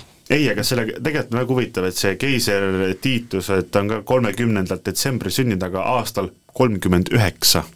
lihtsalt on nii huvitav mõelda seda, et see on, teised on tuhandetes ja siis on kolmekümne üheksandal aastal. jah Jah., huvitav, mis kalendri järgi. ma arvan, et seesama kalender vist siis, mis meil praegu on. nii et eh, palju õnne keiser Tiitusele ja Lebron Jamesile. Kersti Kaljulaidile. ei ka. ei. Ei või? jätka. no ei no selge, siis äh, ei oska midagi öelda ah,. üks asi, mis on muidugi tõesti väga intrigeeriv, mis on ütleks, et peaaegu sama intrigeeriv kui Magnuse puukingad, on see, et äh, ka kolmekümnendal detsembril siis lõpuks äh, suri või siis mõrvati Rasputin, müüt, legend, sorts, kes iganes, kindlasti kõik on tund-, teavad, et väidetavalt ta siis äh, mürgitati, lasti relvast ja siis äh, lõppude lõpuks tuli välja, et äh, ta uppus, õigemini, et ta suri uppumissurma. et üks äh, kõva, kõva tegija mm -hmm. omal ajal. kõva elutahe. kõva elutahe. jaa, mis hakkas, ma hakkasin mõtlema, et vaata kui huvitav, et me aasta tagasi tõesti võtsime läbi mingisuguseid selliseid põnevaid asju, ma seda juustusupi teemat ausalt öeldes ei mäletanud, aga mul tuli meelde see, kuidas me arutasime, kes oli nagu aasta inimene. vist oli niimoodi, et kui ma õigesti mäletan, et kolmekümne, meil oli vist jutt kolmekümne üheksastast aastast ja neljakümnendast või midagi sellist, et siis tuli välja, et vot, et Adolf Hitler oli ühel aastal ja vist Stalin oli järgmisel aastal, eks ole. Kuidagi, kuidagi niimoodi nagu sattus see asi kokku nii äh,, Siimar, mis sul veel põnevat on? ei no kõik põnevad asjad nüüd said otsa, teised on niisugused, mis on nagu mina ei tea, kes välismaa inimesed on, kes täna sündinud, on ju, ma ütlen, need olid niisugused kõige intrigeerivamad ja huvitavamad, et niisugune ahah, sa vahi vaid, niimoodi siis samal ajal vaata et sündinud peaaegu. ega rohkem midagi maailmas ei toimunudki ju, mingisugune, kuskil on konflikt või kaks ja mis ikka. jah no me oleme muidugi selle asja nagu väga hum-, humoorikaks ajanud, et kui me meenutame esimest saatetundi, siis me tegelikult ju lubasime natuke rääkida ka Eesti poliitika suurkujust Edgar Savisaarest, et ja. et jah, et kui võtta tänased lehed kätte, siis äh, on see ilmselt äh, ikkagi teema number üks väga selgelt, ma ei tea, vaata teie olete natuke nooremad mehed, et, et milline teie niisugune suhe või, või, või arvamine või, või kogemus või mis iganes siis seoses Edgar Savisaarega on? ma ütlen kohe oma asjad ära, et minul väga suurt isegi väikest suhet ei ole olnud temaga, et see on lihtsalt see, et uudistes on suur poleemika ja jah, täpselt, ütleme, et kui pilti mulle näitad, tunnen ära, päriselus ei ole näinud, kindlasti, see on muidugi kindlasti fakt, et ta on Eesti jaoks palju teinud ära, aga ega siit edasi rohkem ei oska kahjuks kommenteerida. No mina mäletan ikka seda aega, kus ta oli poliitikas veel nagu tegev, no selles mõttes tegev-tegev, eks ta siin üritas lõpupoole ka oma mingisugust comeback'i või midagi sellist teha, aga see ei tulnud kuigi hästi välja, eks tervis oli ka kehv ja poliitilised olud olid muutunud ja, ja, ja muud asjad ka. aga mina ikka mäletan seda selles mõttes, et ma olin küll pisike poiss, aga aga ma ei tea, ma mäletan, kuidas me rääkisime klassivendadega poliitikast näiteks ja siis, et noh, vaata, no Edgarit ikkagi nagu tümitati päris palju seal omal ajal ja ja, ja ta nagu teatud inimeste seas ei olnud siis, noh, ma kujutan ette, Põltsamaal just üles kasvades sellises, sellises keskkonnas, et siis ta ei olnud väga populaarne kuju. Jah no., vaata kui huvitav, me rääkisime siin äh, äkki mingisugune tund aega või natuke rohkem tagasi inimestest, kes on ikkagi olnud väga märgilise tähendusega, tähendanud kõikidele midagi, et et ma arvan, et Edgar Savisaar on küll üks äh, selliseid äh, noh, ikoonilisi kujusid, kes mitte kedagi ei jätnud külmaks, et et mis iganes äh, ilmselt äh, sotsiaalne grupp või mis, ükskõik kes, neil oli ikkagi mingisugune arvamus, et kes võttis äh, tõsisemalt, kes võttis vähem tõsisemalt, aga tema oli ikkagi nagu selgelt üks, üks inimene, kes äh, tähendas väga paljudele inimestele midagi. ja mina töötasin kahe tuhandendate alguses saatejuhina äh, Eesti Televisioonis, tehes poliitikasaateid ja ma pean ütlema, et Edgar Savisaar oli vist ainus poliitik, keda mul ei õnnestunud ka niimoodi silmast silma kohata, ma mäletan, et meil olid mõningad sellised erakondade juhtide debatid, kuhu sai, sai teda kutsutud, aga tema oli selline noh, selline mees, kes ei tulnud nagu iga, iga kutse peale välja. ta küll osales valimisdebattides, äh, kui olid ikkagi nagu peaministrikandidaatide debatid, no neid saateid mul ei õnnestunud äh, juhtida, aga jah, selliseid lihtsaid äh, poliithooaja keskel toimuvaid erakonnajuhtide äh, debatte tema vältis, et tavaliselt oli keegi siis kas aseesimeestest seal kohal. No miks ta vältis neid siis? noh, ma ei, ma ei oska seda öelda, no ilmselt selle, vaata Edgar Savisaarega on tegelikult ikkagi ka mingisugune selline noh, mingi, mingi salapära on kogu aeg käinud kaasas, et et ta ei olnud ilmselt ma usun, et ta oli nagu nii tark mees, et ta oskas nagu valida seda, et kus ta, kus on tal kasulik olla, kus tal ei ole kasulik olla, kellega ta räägib, kellega ta ei räägi. Ja noh, huvitav oli see muidugi, ma siin mõtlesin, et vaataks natukene ka, kas Edgar Savisaarel on ka mingisugust äh, sellist äh, otsest puutumust äh, Põltsamaaga, et kui me siin vist aasta tagasi rääkisime sellest, et Põltsamaad on ju väisanud äh, erinevad kuningapered erinevatel aegadel ja, või sellised suuremad noh, presidendid, kes on andnud kõneainet kohalikes uudistes, siis mul ausalt öeldes sellist sellist asja nagu kusagil silma ei jäänud, et ta oleks peaministrina näiteks külastanud Põltsamaad, et oleks kuidagi nagu äh, uudistes äh, eraldi välja toodud küll noh, on teada, et jah, et erakonna esimehena siis teil erakondlikel üritustel, mis toimusid ka Põltsamaa kultuurikeskuses, ta osales, pidas kõnesid, et, et ta jah, nagu sellist otsest puutumust äkki Põltsamaaga tal väga palju pole olnud. No ma arvan, et Põltsamaal on ikka ka selliseid keskerakondlasi, kes ikka temaga väga lähedalt kokku puutusid. jah võtame Taavi Aas, Andres Väen, et need on kindlasti olnud no, kindlasti, kindlasti, sellised jah. inimesed, kes on temaga väga lähedalt kokku puutunud ja kes võiksid väga palju temast rääkida kusjuures ma lugesin äh, eile õhtul, keegi tegi sellise postituse, üks arvamusliider äh, sotsiaalmeedias, et ta ütles, et, et näed, et nüüd kõik ütlevad, et äh, tunne, saadavad oma kaastundeavaldusi ja ütlevad, et oi, näed, vaata, mis ta kõik Eesti jaoks tegi, aga et vaata, kuidas nad omal ajal teda, teda siis niimoodi peksid seal kõigi ees ja nimetasid Venemaa mõjuagendiks ja nii edasi. aga ma mõtlesin selle peale, et mul tuli meelde see, kui tal see oli seal kuskil kaks tuhat kolmteist või neliteist, kui tal tervis läks halvemaks, kui ta see lihasööjabakter sinna jalga tuli ja siis ta jalg amputeeriti, eks, siis ma mäletan, et ei olnud nagu kordagi sellist momenti, kus keegi oleks avalikult öelnud, et paras sulle või midagi sellist, vaid vaid kõik ikkagi tundsid kaasa ja siis ta oli veel eh, ju ikkagi noh, poliitikas nagu tegev sellel hetkel.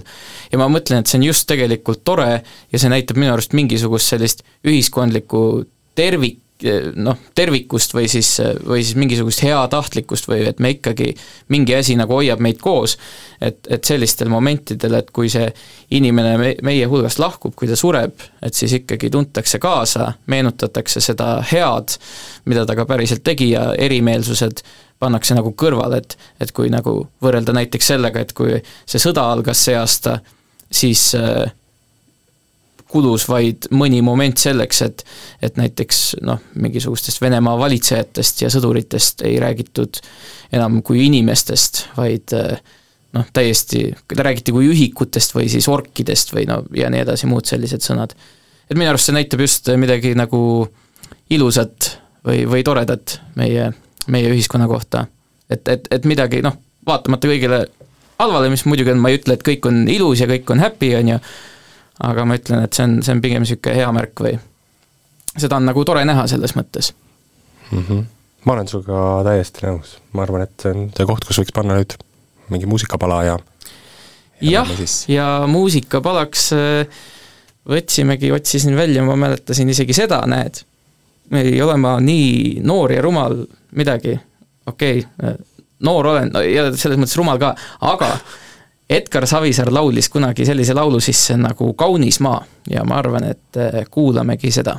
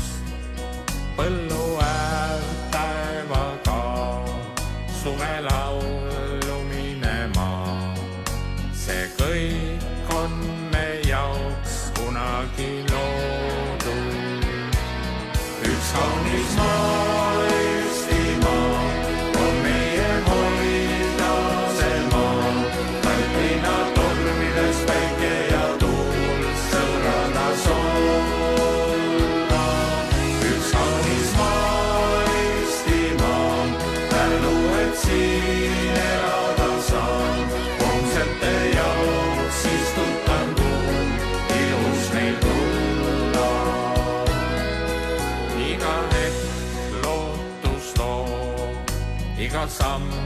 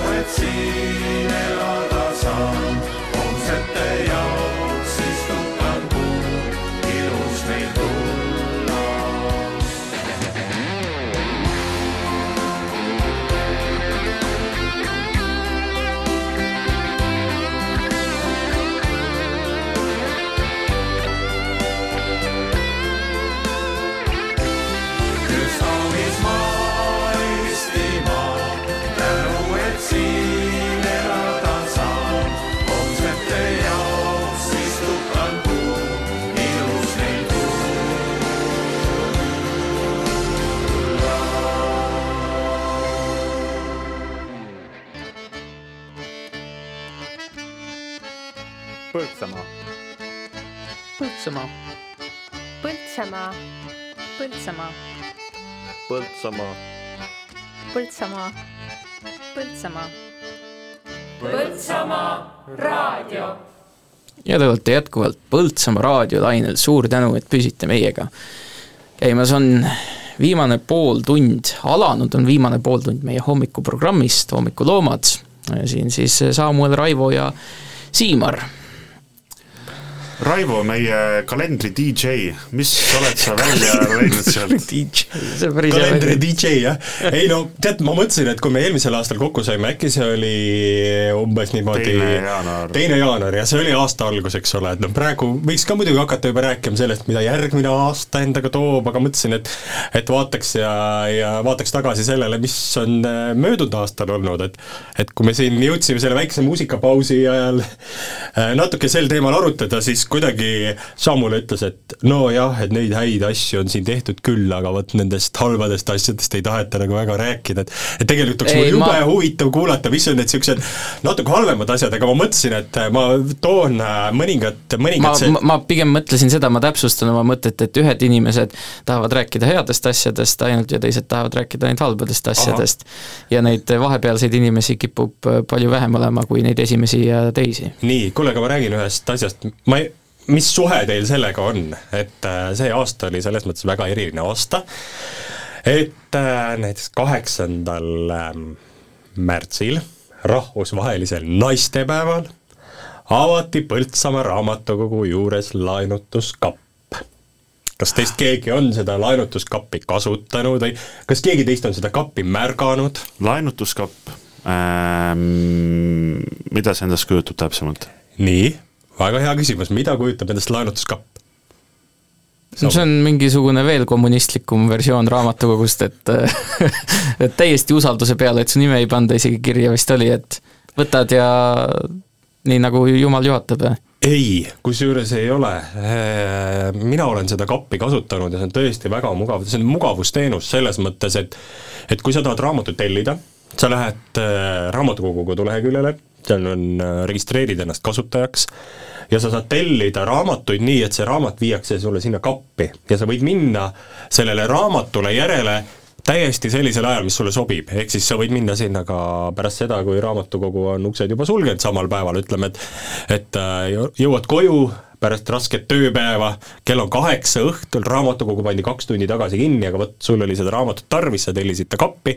Lähed, lähed, tood, lähed, tood selle sealt kapist ära ja, ja siis noh, ma korduval sellest mööda käinud ja, ja, ja ma isegi teadsin seda, aga näed, see on aktiivses mälus. see on Cleveroni nii-öelda toode, et äh, tellid raamatu, sulle saadetakse äh, telefoni peale uksekood, lähed sinna, sisestad koodi ja saad kätte, täpselt nii, nagu nagu põhimõtteliselt nagu postipaki automaat. mõtlesin, et see on nii peen, et nagu ta vaatab kohe ära, et sa oled niisuguse näoga, nagu sa loeksid mingisugust niisugust äh, novelli. võib-olla see on Tuleviku midagi, mis on nagu tulevikumuusika, aga praegu on küll, jah, ma ütlen, tegelikult on see väga mugav, mugav, ma olen seda korduvalt kasutanud, kuigi tihtipeale on juhtunud niimoodi, et ma tellin selle raamatu sinna kappi ja siis lähen äh, raamatukokku, raamatukogu lahtioleku ajal, et nagu vahel on nagu tunne, et võtaks, läheks küsiks tädi käest seda raamatut, aga vot ei saa, sa oled selle kappi tellinud, et sa pead selle kapist välja võtma. see on nagu automaatkassa ainult, et seal raamatukogus, aga ma võin ja, jah, enda kaitseks lihtsalt viia niimoodi ka, et sa ei pea üldse, põhimõtteliselt on nagu raamatu laenutamine tehtud tänapäeval nii mugavaks, et sa ei pea üldse seda inimest sahtlisse jah, just, et tellid kappi, paned sahtlisse, sa ei kohta ühtegi raamatukogu töötajat ega midagi. ma pole sel aastal aa, ühe korra olen käinud ainult Põltsamaa raamatukogus, aga noh, see on sellepärast, et printimas või? Mina olen küll ainult printimas käinud Põltsamaa raamatukogus. ma, ma käisin, ei, ei, ei tähendab, noh, see on selle tõttu, ma ei ole sinna sattunud, et ma viimastel aastatel olen kõik oma äh, vajalikud asjad võtnud äh, siis Tartu Ülikooli raamatukogust, aga see, kui me käisime, me käisime mingisugune nädal aega tagasi ja ma käisin äh, ühe selle oma sõbraga, Kaur Saar, kes siin Põltsamaal ka äh, juhib äh, siis mõningaid saateid ja, ja kellele me oleme andnud täna päris palju vihjeid igasugusteks ja, saadeteks. ja, ja, ja, ja, ja ma läksin temaga tagasi ja teate, mis me tegime, me leppisime kokku enne seda, et mina kõnnin tal kaasas, teen talle kõik uksed lahti, nagu tema oleks härra, kes sisse astub, ja raamat on siis minu käes. ja tema siis astus sinna niimoodi sisse pöördus raamatukogu hoidja poole ja ütles siis, et tere, ma otsustasin, et ma toon raamatu tagasi. Ja ta lükkas siis niimoodi oma parema käe üles, ilma minu poole vaatamata, ütles raamat ja ma andsin talle selle raamatu kätte ja ja, ja siis tema ulatas selle omakorda raamatukogu hoidjale. ja, ja, ja raamatukogu ei, me ei filminud seda, me tegime seda puhtalt hetke nimel ja me suutsime terve aja hoida tõsiseid nägusid ning äh, raamatukogu hoidja ka täitsa naeris selle peale. Nii et tervitused sellele raamatukogu hoidjale, kelle nime ma küll kahjuks ei tea, aga tervitused talle siinkohal väga tore, ma toon siia ühe teise uudise veel või, või sündmuse, mis sel aastal on aset leidnud, mis ei ole ma arvan, et mis ei ole positiivne ega negatiivne, nagu Samuel soovis, et me räägiksime asjadest, mis oleksid neutraalsed, no ma ei oska öelda, kas see on neutraalne, et et Põltsamaa postkontor kolis uude asukohta septembri alguses. ah? Mm -hmm. see on nüüd seal meie poes, jah? pitsakioski kõrval kohe. ma ka avastasin selle niimoodi, et ma hakkasin, läksin üks päev, tahtsin postkontorisse minna pakki kätte saama ja millal see juhtus? just septembris, septembris. aa, sa just ütlesid ja ma juba unustasin, see võttis nagu sõnatuks, ei see on absoluutselt šokeeriv. mis siis vana postkontori asemel on? Äh, hetkel ei ole seal midagi, aga ma saan aru, et äh, siin ühes saates, hommikuloomade saates käis Aivo Saar, kes on selle hoone omanik, et jah, ta äh, rääkis siis vist mingisugustest plaanidest ka, ma ei ole täpselt plaanis jah, et kursis, aga kuna see maja kuulub temale, et see on, no te, tema sõnul võiks sinna tulla üks selline peensöögikoht. peensöögikoht. ja ka majutusasutus no need olid need märksõnad, mis tema tema nii-öelda suust kõlasid. Aga seal majas on mingisugused sellised äh, asutused ka, kuhu äh, niisama naljalt ei satugi, et ma vaatan, seal oli mingisugune, ma olen neid silte silmanurgast ainult näinud, mingisugune vangla blablabla bla, bla asi mingi massaaži asi on seal. vanglamassaaž ei, ega see on, see on selles mõttes nagu väga tõsine teema, et seal on nii massaaž kui ka, aga jah, seal on tõesti, et kui ma meenutan, on küll mingisugused väike riigiasutused. vang niisugune, et äh, ega Põltsamaa polegi palju vaja. seal on hambaarst teisel korrusel. on või? jaa. ma tean, et äh, Ando Timmil on seal oma kontor, kes on ärinõustaja Mhm. Kus see aga rohkem, rohkem ma ei mäleta, jah. vot äh, ei tea, aga minu isal oli kunagi korter selles samas majas. seal teisel korrusel isegi, nii et äh, selline väike ühetoaline seal ongi see majutus. vot ei kujuta ette, jah.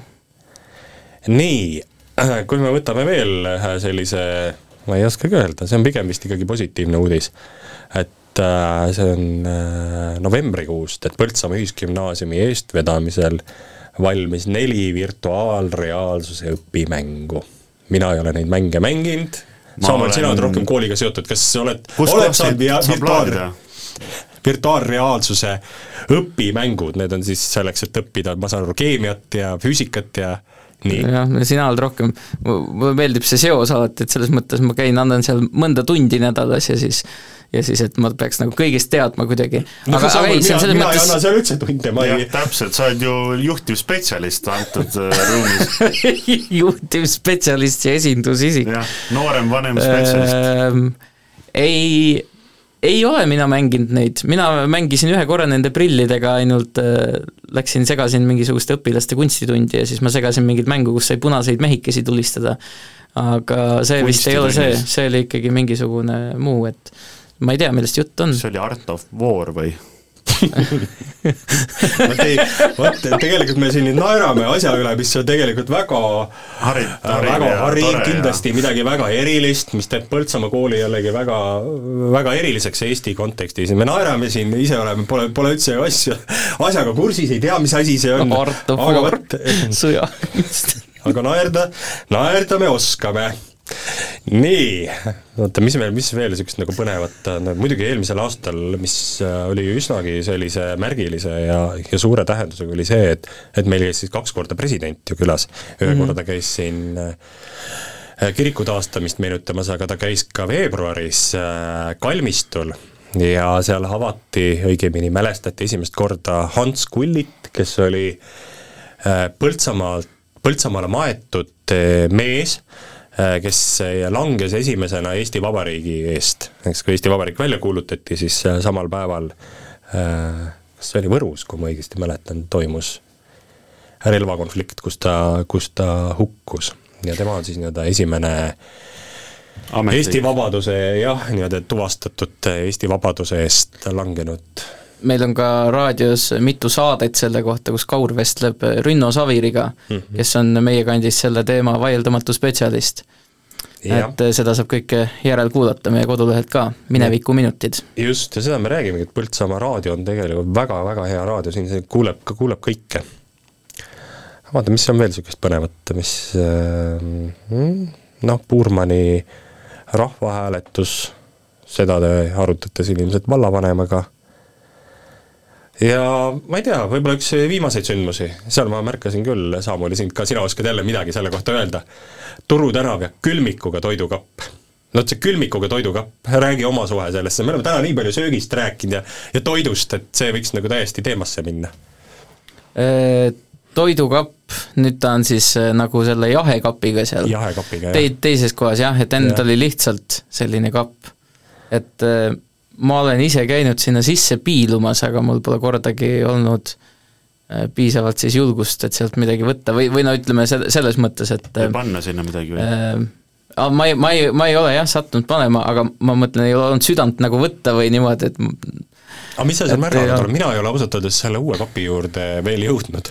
no, no ma olen seal sellel üritusel käisingi seal mm -hmm. ja aga ma mõtlen hiljem, hiljem, hiljem sa ei ole käinud vaatamas? ei ole käinud vaatamas jah, jah, jah, aga sinna saab nüüd täitsa toitu sisse panna ja sealt saab käia võtmas ja et, et võib-olla peaks see on nagu selline mõtlema selle natuke peale. niisugune noh, minu jaoks ikkagi, Üldiselt ma pean mul ütlema, niisugune natuke võõras kontseptsioon, et ma lähen, võtan külmkapist mingit toitu, mis on sinna jäetud, aga ma usun, et see võib-olla, võib-olla see ongi, et kui me siin mõni, mõned korrad maininud seda, kuidas nagu uus põlvkond, hoopis uus põlvkond, kes ongi harjunud niimoodi, et noh, enam ei pea poes käima, läheb, võtab külmkapist mm. sealt äh, süüa, et võib-olla see seal on nende tulevik rohkem. Viljandis on ka see toidukapp seal ja siis äh, sinna mõnikord jäeti mingeid selliseid äh, torte ja kooke. siis oli niisugune võistlus, võitlus, niisugune Mortal Combat. kes saab esimesena tordi. aga eks ta on nagu natukene selline, no ma ei tea, ma olen harjunud, et kui ikka tead, mõne sõbraga saad juba natuke paremini läbi, siis võid ise tema külmkapi juurde minna ilma sellest Jaa. rääkimatagi, et see on selline piiride tunnetuse küsimus, kultuuriline selline nähtus, et eh, ma ütleks, et pigem oleks nagu minul isiklikult raske neid toitu viia, kuna see on kõik toidu lõpuni, mis on, absoluutselt. kusjuures mina vastupidi, ma kujutan ennast toitu sinna viimas, aga et see mõte, et ah, ma lähen täna vaatan, mis seal toidukapis on, et eh, noh, pole nagu ühtegi head mõtet, ütleme, et tahaks nagu õhtul süüa teha, et siis lähen vaatan, mis seal toidukapis on, et siis võtan selle ja teen seda, et noh, see mõte aga on nagu kusjuures, nagu- et mis selle toidukapi ikkagi kõige olulisem eesmärk on, on see toidu nagu raiskamise vastu võitlemine, et Mhm. et noh, üks asi on siis eraisikute käest, aga ma ei tea, kas mingisugused asutused ka sinna, no poed, nad ei tohi vist viia, nagu see, selles mõttes nagu toitu sinna, kuigi see näiteks kohe seal Maxima kõrval ja Selver ei ole ka kaugel ja et kas see on grupp, on, kas on mingisugune teavitussüsteem ka kuskil, et kus öeldakse, vot nüüd ma tõin sinna sellise asja ja niimoodi, sest muidu võib ju jääda niimoodi, et toit ja Põltsamaa on nii väike, sa lähed käid korra sinna- läbi ja vaatad üle. no kas käivad, vaata, muidu on see, et jätad No- no, seisma ja siis kolm päeva läheb mööda ja ongi halvaks läinud ja ongi jah, ja kes selle toidu siis, mis on riknenud, sealt nüüd ära koristab ja, ja kõik, kõik see asi.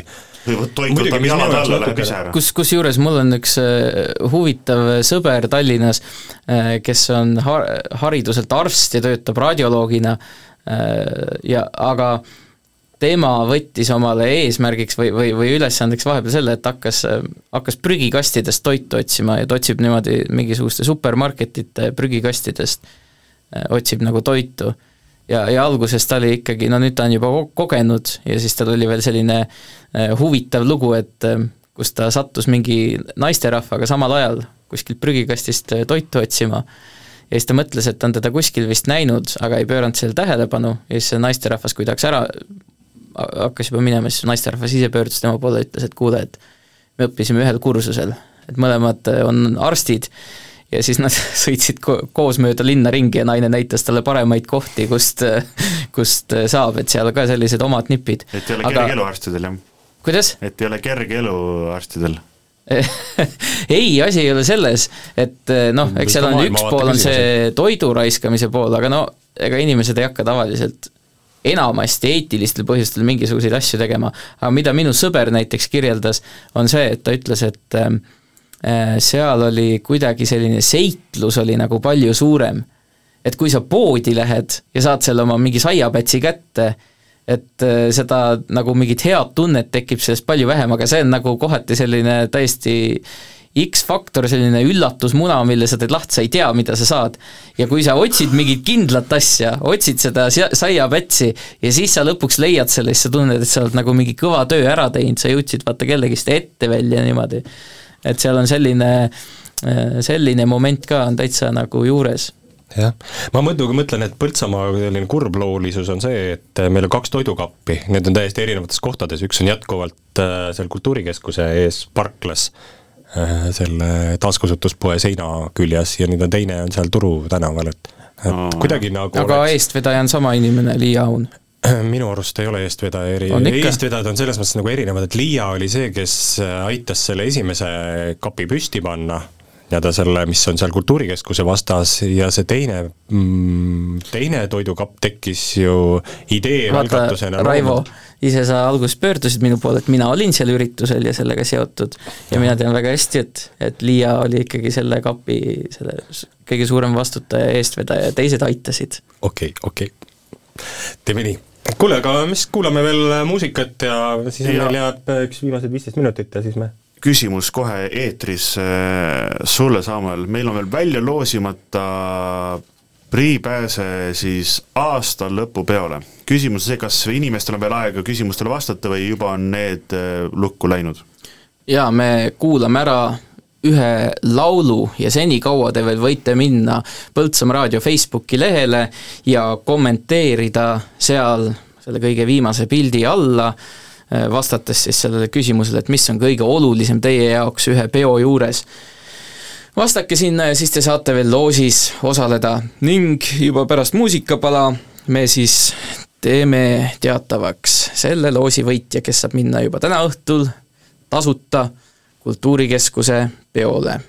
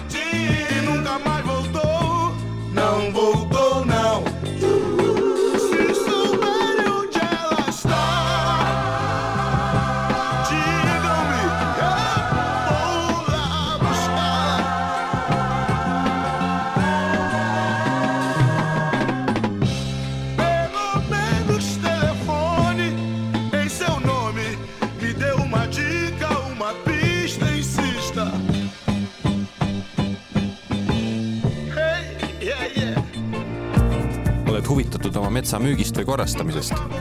metsaserv majandab metsa heaperemehelikult, pakub omanikele mugavat ja kiiret teenindust. võta ühendust info at metsaserv.ee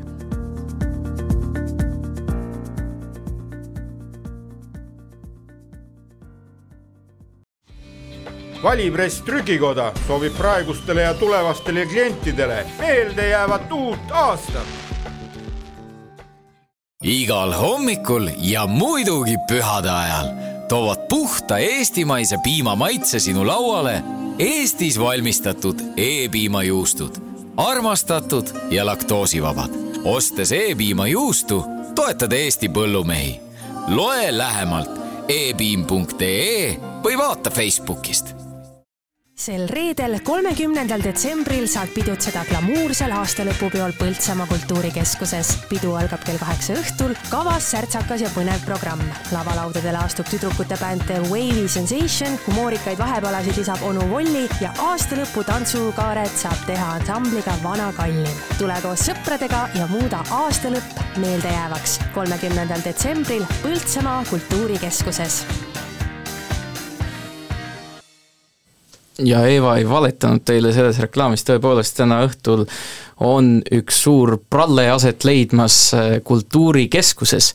ning kohe-kohe-kohe me loosimegi välja siis kaks priipääset sellele samale üritusele.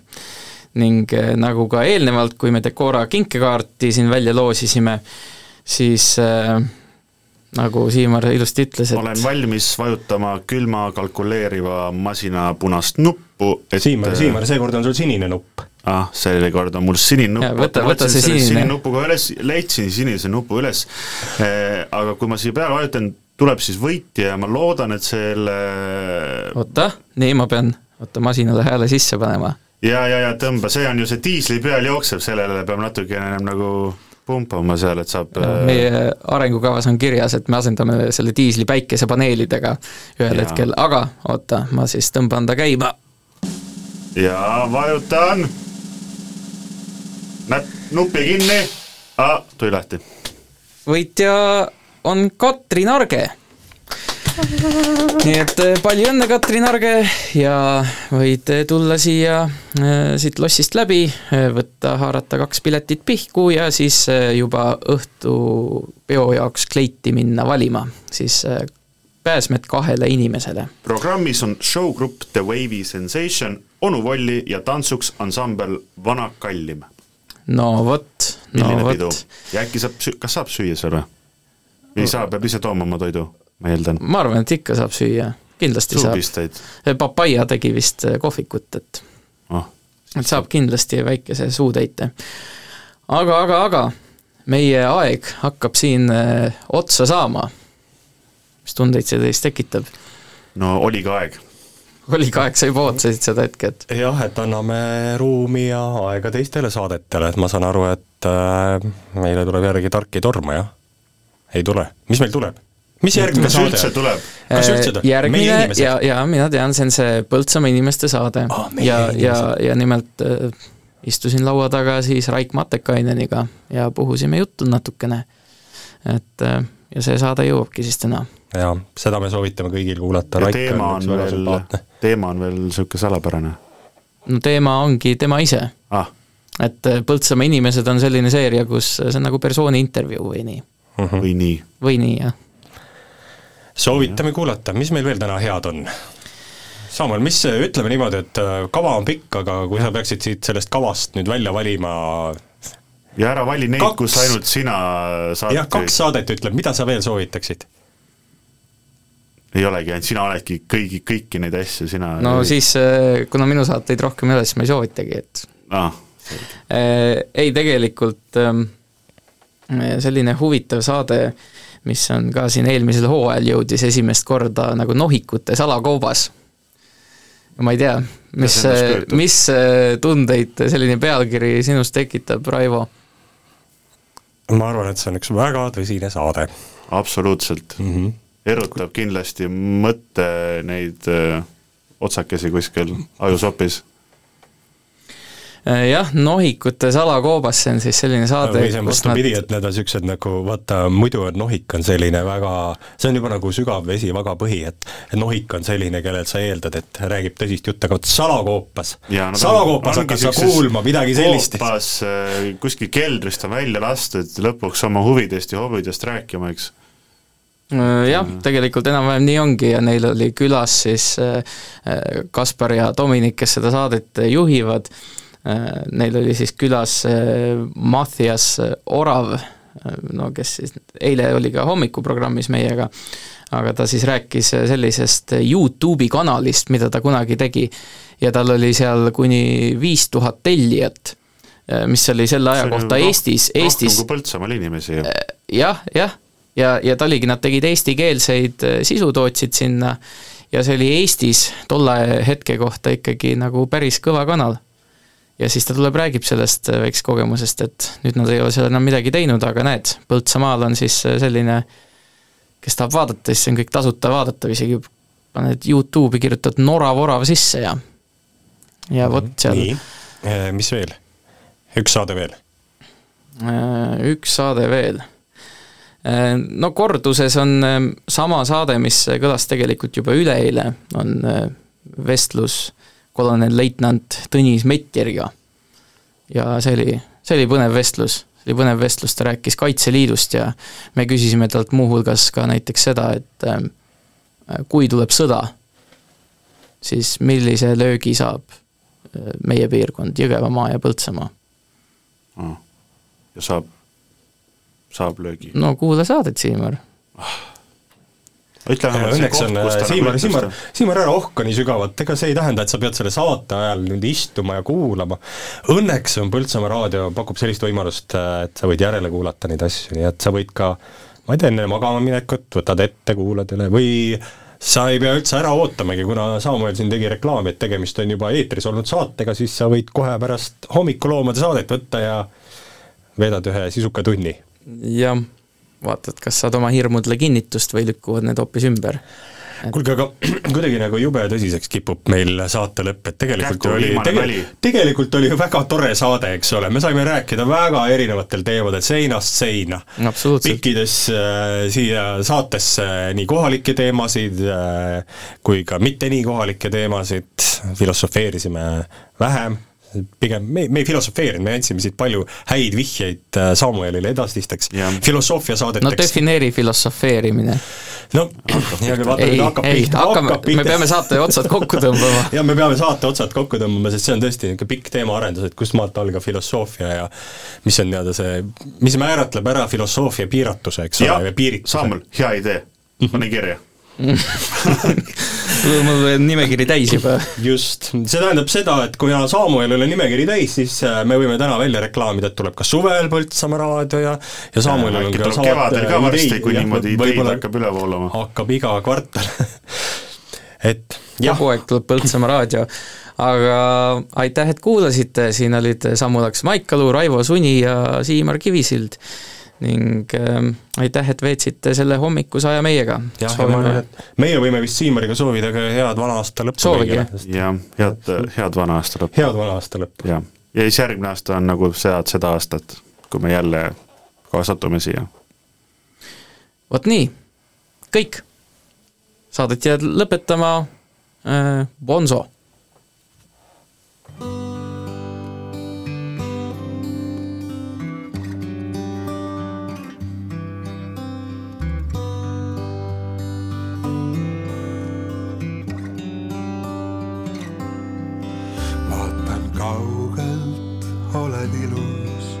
vaatan lähedalt sind veel.